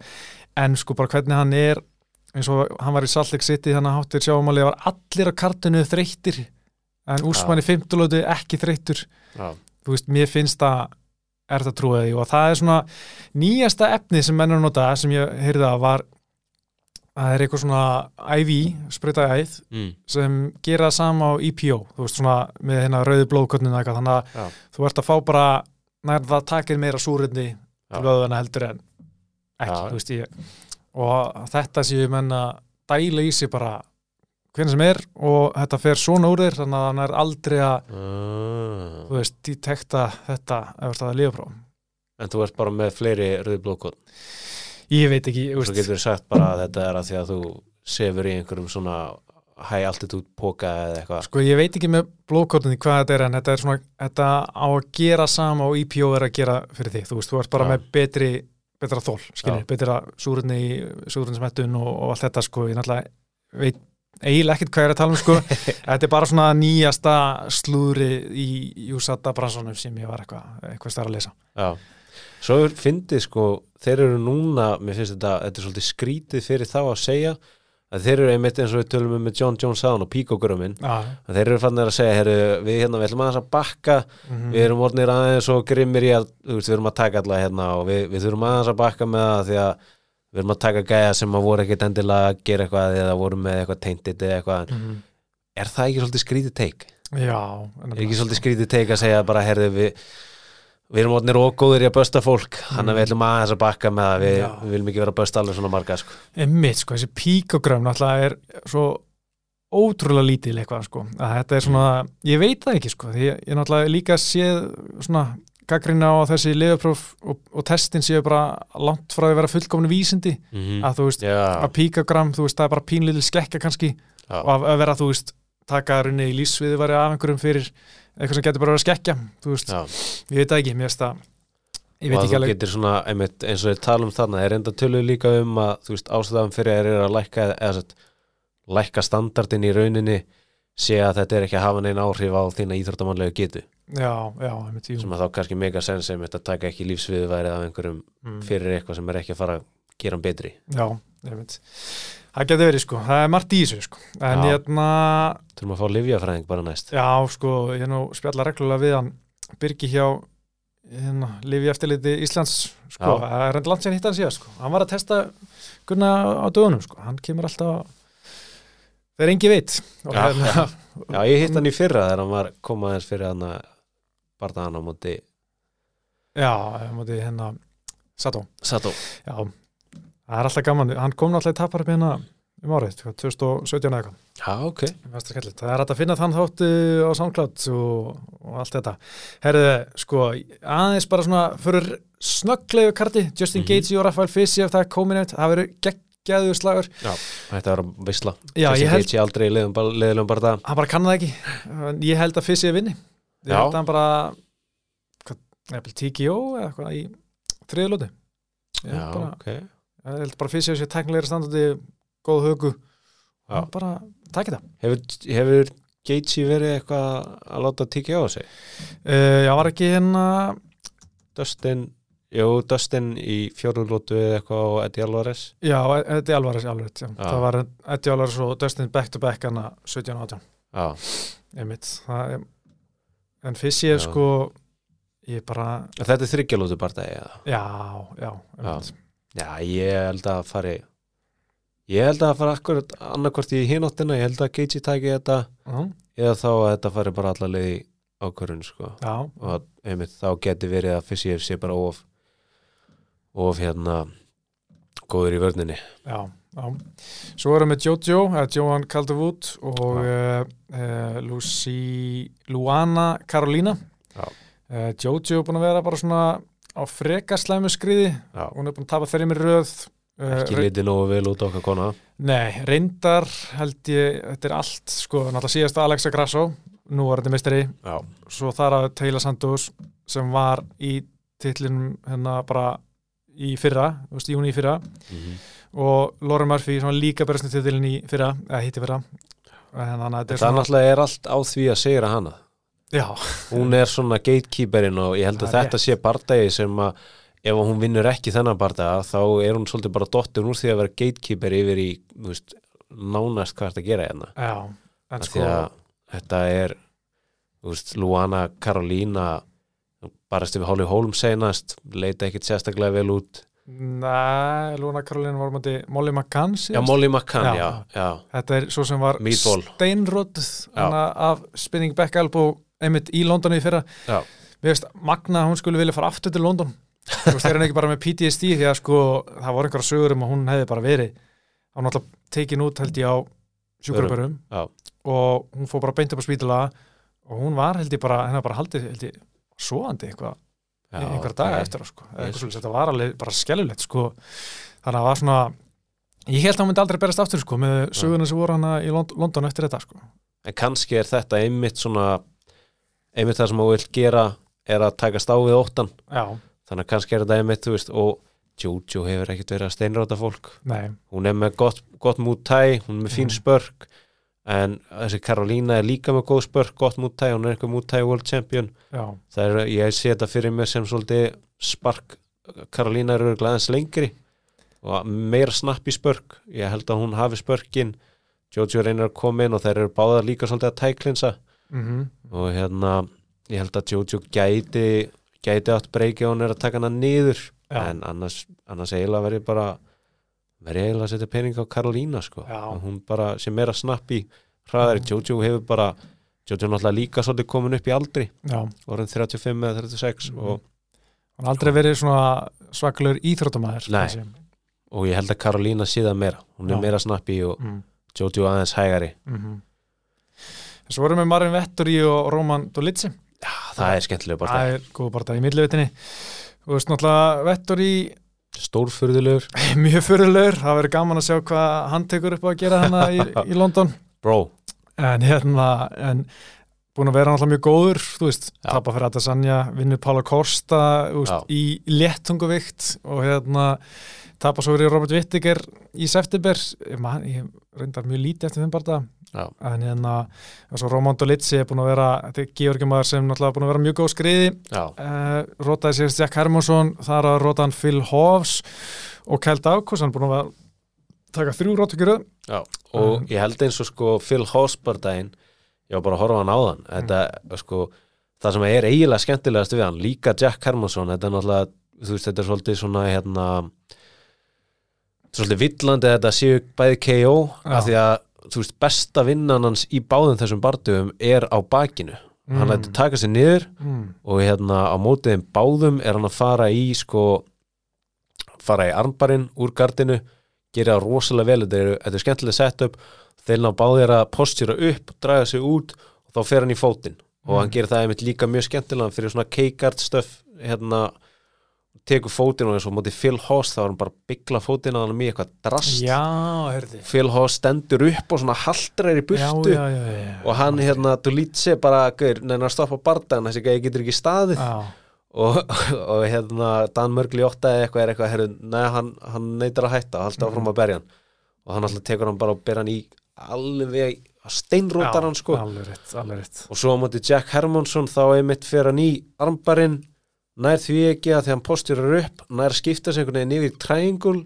Jack Hermansson posturar líka upp úr því þá skiptar hann yfir K-card og yfir í hérna fótinn, Jack Hermansson ætlar að snúa sér út og spinna og passa gardi en þá nær hann honum í hérna nær hann honum í kalfkrössir veltir honum yfir og Jack Hermansson er á maganum, liggur á maganum Mm. og hann er með kalfkrössirinn og er bara að berja hann í hausinn. Mm, og Jack Hermansson getur bara ekki hreift sig Ah. að því að hann er í kafkværsinu þannig að hérna hann er, hann gerir mjög mjög skemmtilega, þú veist, þú myndir halda kannski að hann væri einhver rótari, hann er Mm. lang, þú veist, hann fór á ADCC vann hérna Asian Trials. Einmitt. Þannig að hann gerir sína bestu vinnu í gólfinu mm, og ef þú horfir vera á hann standandi hann er, veist, hann er alltaf klumpur. Já, hann grjótum massaðir var í þungautt fyrst. Já, akkurat og hérna en veist, að hann er svona pínu hægur, hann lítur ágætlega út með defensið en það er bara svona fyrsta, fyrsta leiða defensinu. Ég held að gæði eins og Vettori sem að dobla stundum upp á tjappi ég held að það sé nóg, að það sé nóg að hann bara doblar upp tjappi, tekur 1-1-2 1-1-2-3, 1-3 eitthvað svona, ég held að það sé nóg til þess að fá hann bara úr, úr rithma, hann er með virkar svona einmitt stífur, Já. stór og stífur. Mm, og þannig að hérna, ég held að hann sé ekki með góðan rytma og ég held að Marvin Vettori sé með nógu gott wrestling til að veist, ég held að einmitt, eina, eina hættan er að Marvin Vettori reyna að taka já, og, og hérna Dolitsi bara ná að gera sitt í gólfinu á bakinu já, sem er, það er ekkit eðlilega nett að vera góðu gæja á bakinu í þessum stóru, stóru flokkum sko. vera svona kuppur líka sko. Já, þetta er ekki Ómar Jamak botitípan sko. liður og grannir sko. Þetta er, er rosa skemmtilegt sko. já. Ég mæl alveg með því að horfa einmitt á þetta sko. já, ég þarf að reyða þetta upp sko. þetta, Já. er, þetta er skemmtilegt ég hef líka mannið saman fyrst þá var ég bara djöfisist tutti er þetta sko. Rísa Já. vaxinn, sko. en hann er, hann er meira en bara tutti Já. svo Og er, er, verðist vera að bæta sér líka á milli barda Þú veist einmitt þetta með þetta standandi mm, Þú veist, hann verðist vera að bæta sig og vörnin er að koma til og þú veist, og ég held að hann sé með rétta pælingar með það, þú veist, að verða góður varnarlega, þú veist, ge geta hreift sig aðeins, veist, eins og ég segja hann er stífur og, veist, ekkert endilega mjög góður í hreyfingunum, en, en það verðist samt vera að hann átti sig á því að það er það sem hann þarf að gera, já, þannig að, það verður áhugavert að sjá hvort hann sé búin að bæta það mikið mm. já, sko svo er þetta verður Þetta er að mainkarti, þetta er fyrsti bara að mainkartinu, þetta verður mjög skemmtilegt. Uh, main, mainkarti verður þetta í byrjun á Viaplay. Ég mun lýsa þessu frá London. Ég verður ekki í sko, höllinni sjálfur, ég verður einhverju öðru stúdíu. Ó, Það var ekki pláss. það er svo margir sem verða að lýsa eitthvað í byrjun, þetta er stórt kart og eitthvað. það finnur sækjandi Það er pínusökkiti en maður gerir það sem maður þarf að gera fyrir, fyrir fólki í landinu. Er hérna klukkan hvað byrjar útsendingin á íslenskum tíma? Nýju minni mig, Já, það er helviti skemmtilegt, góðu tími sko. við elskum það. Já, svo eru prílins, það er fullt gott þar. Jack Shore og Makvan Amerikani það Já. er síðasti fættu prílins það er, sko, Makvan Amerikani er algjör ráðgóta en Mhm. ég hef bara mikla trú á Jack Shore og ég held að hann bara taki þetta nú bara svona, þú veist Makvan Amerikani ekki sér tekið í fyrstu lótu og svo bara Makvan yfirleitt búin sko Já. eftir fyrstu lótu Hann hefur eina lótu, svo er það bara búið já En Jack Shore, er er Jack Shore ekki búin að vera í bandavikt? Er, er ég Uh, eitthvað rugglast með það? Sko, þeir eru hann nokkri sem eru heita basically að sama Já, já, já Já, Já. ég geti verið að rugglast já, nei, veistu það þetta, hann var í bandavætinni Já, á móti Tímur hennar hann var, Já, hann var já. bandavætt. Það er rétt sér hann er ætti að koma kannski aðeins léttur og makkan er svolítið stór. Mér, það ekki? Ekki? ég veit hann, mér það ekki vera stór í fjárreitt sko. Ná, ok. En kannski er hann, þú veist þungt í hann pundi, ég veit Já, ekki. En ég held að hann, emitt, hann hefur þess að lótu ætti að vera sterkur en ég er alveg sammálegar ég held að Jack Shore, góður hreifanlegur já, lætur, veist Já, ég er ekki við sem að ná hann einu sinni niður. Ég held Nei, að Jack ok. Shore bara sem er góða fótaðinu já, passi svo að lenda ekki upp í búrið. Einmitt. Makkan á mig Kari bara þreyti sér út. Já, hratt. Já, hann gerir það. Hann er með tanga á við uh, hobbyista Já, við þungaðu þetta bara. Já, þunga þetta er hann nákvæmlega, sko. Svo er hann að Mohamed eh, Mokaev, hann er hann að í prílins líka sem er svona alltaf bara 22 ára strákurinn hann búin að vera núna, hvað þetta er fjórið barndans í USA ennþá ósigraðar og svo erum með sko uh, Jennifer Maia sem bara snúið titilin hérna við Valentínu fyrir hvað tveimur árum Já. hún er frá móti Casey O'Neill og Jay Herbert sem uh, var steinrótari fyrir á móti Ilja Tuburja, hann er á Mhm. móti Ludet Klein. Ég man því að horfa á Ludet Klein og hugsa bara þetta er gæi. Svo hefur hann bara er hann bara 2-2 síðan hann vann hann að sem fyrsta það ah, ég svona veit ekki alveg hvað hann er sko.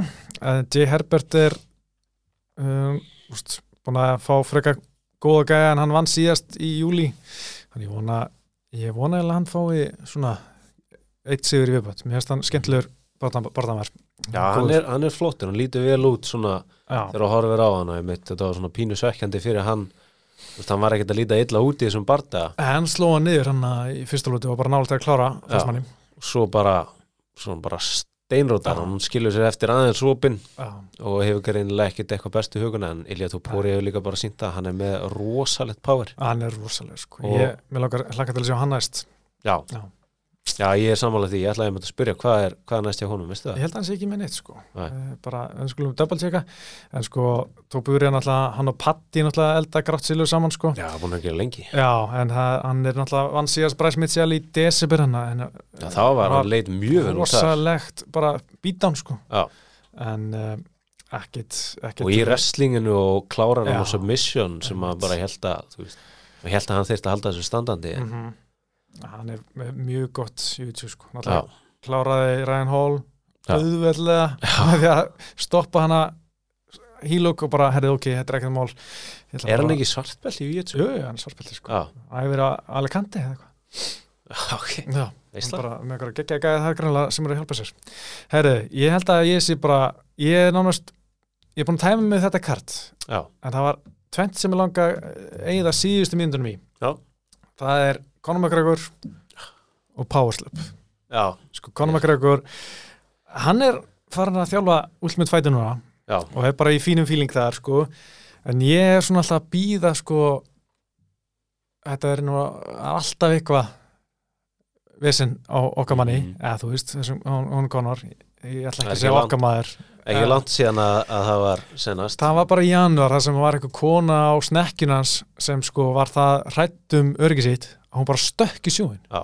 og strandgæslan kom og bjargaði henni. Sem er hvað, ég veit ekki hvað hann var að gera sem gerða verkum að hún var það hrættum öryggi sitt að hún bara vildi frekar stökka í sjóin Já, af einhverju snekki. Uh, og þetta náttúrulega fer aðeins í fjölmjöla og eitthvað já. svo bara byrjar hann að tvíta ég er spáðið að fara að þjálfa Ultimate Fighter aftur. Já, hann var allir búin að gleyma þessu. Og hann er bara, hann og Michael Chandler þjálfa Já. Ultimate Fighter hann og Jake Gyllenhaal saman að horfa á bardana Já, Hollywood elskar hann. Já, Bara- ég er að býða hversu lengi mun Hollywood standa, þú veist, sem er náttúrulega búið að vera rosa mikið, eh, just, eftir Me Too og allt þetta að taka Já. til í öllu svona umdeldum Já, douchebags, sko, henda þeim út og ekki vera að þeim mörg tækifæri. Finnst manni, veist, ég veit ekki, kannski eru allir þessi gæjar að fá bara eru að vera sópasöndu teppi, ég er ekki að fylgast það mikið með, sko, kannski. En, þú veist, hversu lengi mun hann uh, lifa í Hollywood, sko, með uh, sína, sína sögu. Já en, sem að er að verða bara löng og ljót sko. Bara verið að kæra hann mjög oft fyrir alvarlega ofbeldisklæpi og Já, maður þarf að vera að skróla lengi í kontroversi síðan á Wikipedia núna, sko. Já, það er mikið, það er, sko. það er ekki þetta er ekki í lagi. Nei, og hérna og já, ég er alveg sammála þessu. Þetta, veist að hann sé að fá tækifæri eftir tækifæri veist, og, og að þetta líka þetta er, svo, þetta er svo leiðilegt fyrir okkur þú veist að þetta eru bestu gæðarnir í sportinu sem að eru að draga flest augun. Það eru Connor, það er John Jones það eru þessi gæðar sem að eru síðan bara bak við tjöldin bara því miður þú veist, að fá einmitt á sig bara kærur fyrir mjög ljóta hluti. Já, það er ekki, ekki gott mál og hann og Chandler eru að uh, þjálfa Ultimate Fighter núna. Það er Já. allt komið í bál og brand, það er að já, og uh, svo er sko þeir, hann tala um að þeir muni mætast í september en sko Conor er ekki ennþá komin í USATA drugtestpúli Nei. þarf að vera þar í sex mánu ára hann fyrir að keppa aftur sko. Og hann er, hann er ekki þar eins og sést kannski um myndum að hann er að, hann er að borða eitthvað meira en eitthvað vítamin Helviti- já, helviti púfaðir hann að svona puffi í framann Já. ekki gott lúk myndi ég segja en menn gera sem menn gera og, og uh, svona skrítin litur á honum Já, já, og hann hérna en svo er spurning hvort hann fá ekki bara Brock Lesnar trítmentið og já, það ekki gerist þá og, þá getið þið bara gleymt þessu júsata dæmi sko. Þetta, þetta er ekki hægt sko. ég nenni þessu ekki sko.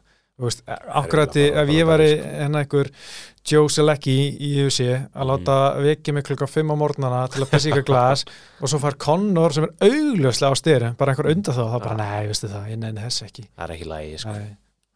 það er ekki hægt sko. þá bara missir þetta kerfi allan trúveruleika sko. Já, og já, svo endar meira með þessar konu sem stökk frá bátnum það var einhverjar fréttur um að hafa búið að kveiki bílnum hennar já, og kasta einhverju, einhverju múrstein inn í gluggan hennar og hún, hún ógnenni dró, dró kærun tilbaka því að það var já, það verið bara ógnenni það mikið þetta er ekki í lægi sko. þetta er ekki lægi, þetta er ekki gaman að heyra sko. Nei, þetta er svo leiðilegt og setja svo ljótan stimpil á sportu okkar, sporti Já. sem við elskum já, já, sko. veist, þetta er bara, bara fólk að haga sér eins og algeri fávitar já, og að fá annað fólk til að haga sér líka eins og algeri fávitar með sér þetta er Já. bara ekki hægt sko. talandi um að setja ljótan stimpur á sporti þá finnst mér þetta powerslegar þetta er svo vandrarlegt mér finnst þetta sko mér er svo vandrarlegt að maður tengist þessu fólki skilur sem er að, hérna, að promóta þetta. Þú veist, að, maður sé svona að þetta sé fólki sem er að promóta sem maður vill virkilega horfa á að mér finnst þetta bara svona svo vera svo mikil vannvirðinga hvert heilsu að White fórseti auðsíi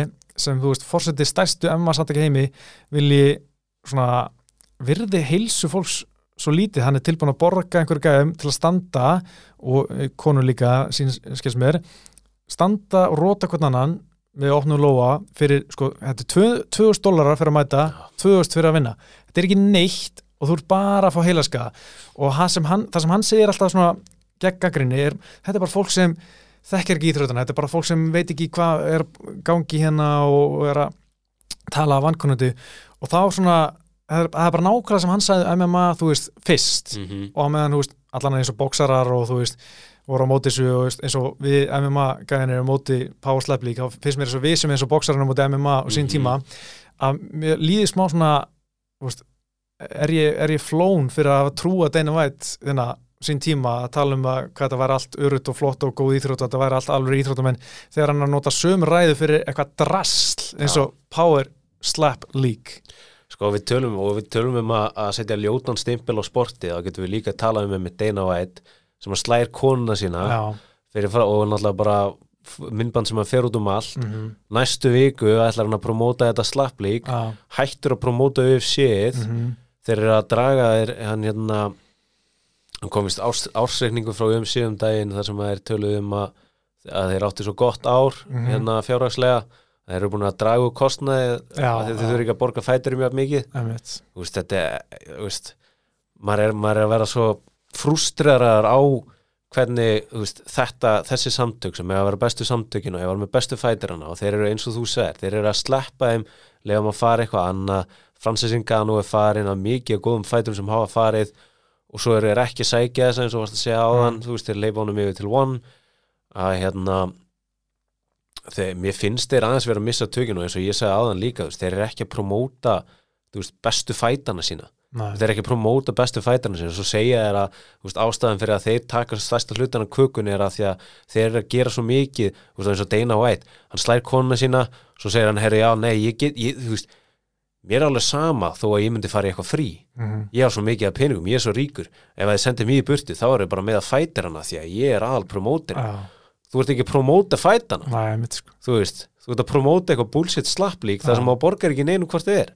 Þú veist, þú ert ekki, ekki skaða neitt, bara farið frí. Mhm. þú veist, ég, þetta er Það er egoðið og helviti hátt og segir, ég er það ómissandi, ég get ekki tekið mig frí. já, En hann gætt samt alveg mætt, verið bara á Super Bowl í staðin fyrir að vera í Ástralíu og sé hann að í staðin Volkanovski og Magdi.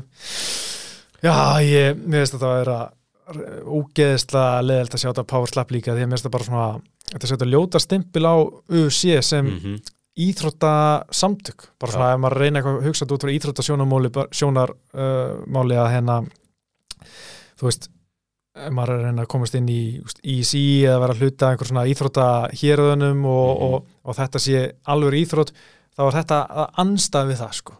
Þetta er bara svona alls ekki það sem íþróttir eiga að standa fyrir og að þetta veist- er svo augljóst svona, svona ef við törum aftur, veist, þetta er svona money grab, þú veist reynum að fá hérna, að því að fólk er fólk fyrir að búa þegar að UFC bara degi fyrir gólu og það eru aðdándar núti sem að vilja bara sjá það að vera að lemja hvernig annan, þá bara búum við til íþróttar sem að gæjar eru bara að þessu. Mm -hmm. og að því þetta er ekki alveg íþrótt þá þurfum við ekki einu svona að borga þeim, Nei. þú veist. Bara Þú veist. borga þeim bara prump og fólk horfir á þetta, og þetta er bara, það er engin tækni, þú ert bara trekja höndina og slá Já. og engin vörn. Það er engin vörn. Það er bara, þú getur ekki varðið að banna og, og, hérna, og það sem skiptir mestu máli er, þú veist, það er eitthvað hlutkest í byrjun. Þú veist, hvor fara að byrja? Þú veist, það er bara mesta sem Já. skiptir máli sko, hvort það vinnur eða tapar. Þetta er náttúrulega bara mikið, mikið þvæla og þetta hérna og þetta er svona, eins og segir, þetta er bara eins lítil tekna þú getur fyrir bara rótök bara hvernig getur búið til rótök, láta fólk rótast fyrir áhorf og ég var að hlusta að Dana White segja að upplátti að ég nú er eitthvað Ultimate Fighter, Ultimate Slapper season í gangi Já. sem er að fara að klárast núna held ég um helgina að sko það átti að vera pay-per-view en það hættu við það og þá stáður svona að tala um að það verði svo lélitt áhorf en þá segi Dana nei, þetta er bara að þetta verði sko ekki pay-per-view heldur í einhverju, einhverju appi svona þá getur hort á eitthvað app sem heitir eitthvað Rumble. Og, hérna, og þá vildu þeir gera það frekar pay-per-view af því að þeir eru að skora svo ógeðslega hátt á samfélagsmiðlum hjá sko 17 til 20 ára. Veist, þeir eru bara dyrkita sko, skrolla TikTok og sjá bara rótök, rótök, engin tækni þetta er bara klikkað efni skilur fyrir einhverja Mhm. 17 ára pjakka. Og þeir eru að veist, sko, skora rosalega vel á hérna svona hérna, börum, veist, á á svona íþróttabörum Já, að þá er, þú veist, ef það er NBA, veist, NFL og þetta í gangi, þá er allar á þetta því að, þú veist, það er Bara- alltaf eitthvað í gangi. Já, Já, og þú veist, að því það er bara rótök, smá rótök.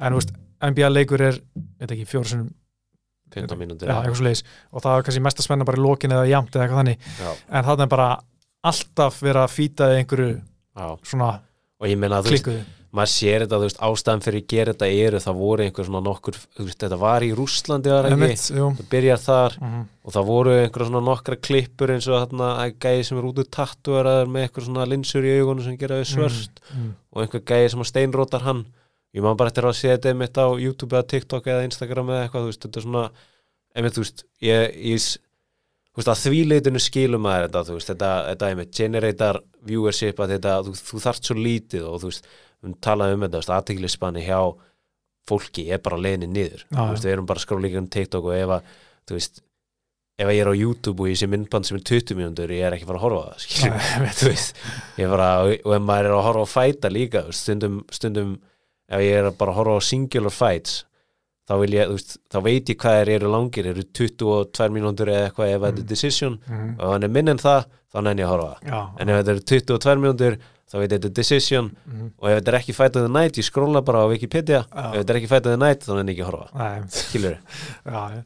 maður er svona það er að setja sér ákveðin ham til að horfa YouTube-vídeó sem lengri tímyndir Já, ok, ég ætla, ég ætla að fá mér hérna samlöku, hérna ég er komið hérna Pepsi hérna, ok, Já. play þú veist, skipa auðlýsingum auðlýsingum, en, hérna já, ég er alveg sammála, ég, ég þól ekki að þetta sé alveg þeng og þetta er bara ég get ekki beðið eftir að þetta muni hrinja og bara brenna Já, bara degi út Já, það hlýtur að, þú veist, ég vona að það gerist en svo er þetta bara unga kynnslóðan sem unga sér bara að halda þessu uppi, þú veist, með áhörum á. TikTok og Instagram og hvað.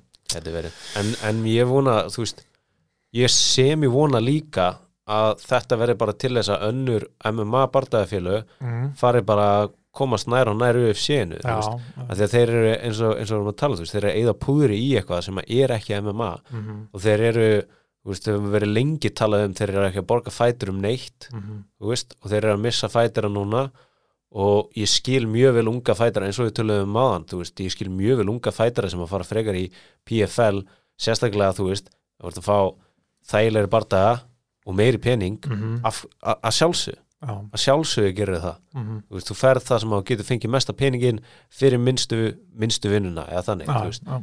þannig að ég, ég er bara mjög veist, já, ég, maður er alltaf að hugsa skilur, maður ætti að fara að skoða eitthvað meira heldur en bara UFC, maður ætti að fara byrja að horfa á One og byrja að horfa á þú veist, maður nennir því ekki nei. en maður getur, maður dettur inn á þetta stundum, Mhm. en þú veist, mér langar til að sjá þessi, þessi þessar deildir vera að fara bara að herra þá í staðin, að því að UFC er greinilega búið að ákveða bara já, þú veist, við erum komin eins langt og við getum. Nú er, nú er okkar vinna búin og við ætlum bara að lega þess að reyka sér sjálf já, þetta er orðið svona, er orðið full latir fyrst mér við sem þessi fætand kvöld sérstaklega, eins og núna bara að lögðan er hérna Petri Ján að dvalið Svihili og þetta átti reyndar fyrst að vera í Apexnum, ég þóli ekki að horfa á barða í Apexnum hann núna, bara eins og horfa á pöppasjó, Já. en þú veist bara, það er hana, þú veist, tveir góðu bardaðar svona á pappirum, mm svo hitt er bara, þú veist, ég meina, hvað gæðir er þetta sko, bara, þetta er bara þetta er bara einhverju barðar þetta er bara svona, auðvitað hendi bara einhverju barðum og það mun alveg hellingur horfa sem er bara eitthvað baseline sem er bara sátti við já, og bara höldum okkur þar.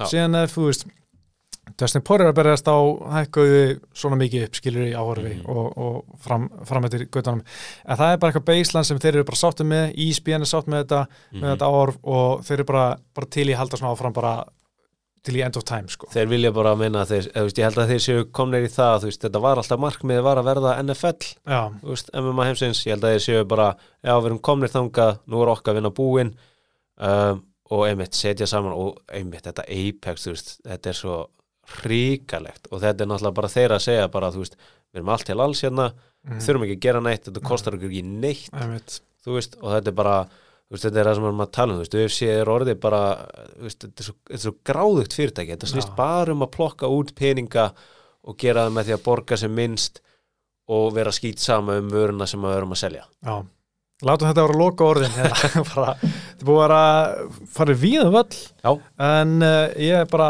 hafði gaman að þessu langt síðan við tekið upp síðast. Já, og þetta er að dætt í tvo tíma bara mikið til að tala um. Að mikið til að tala um og ég vona að einhversi ennþá að hlusta. En var ef ekki þá bara þakka ykkur kærlega fyrir að hlusta allir sem hlustu, allarleið hingað. Og Binni, takk kærlega fyrir að koma. Takk við tökum örgulega eftir London, förum vel yfir kartið þá. Til það Herru, takk fyrir komin á, takk fyrir að hlusta, vera sæl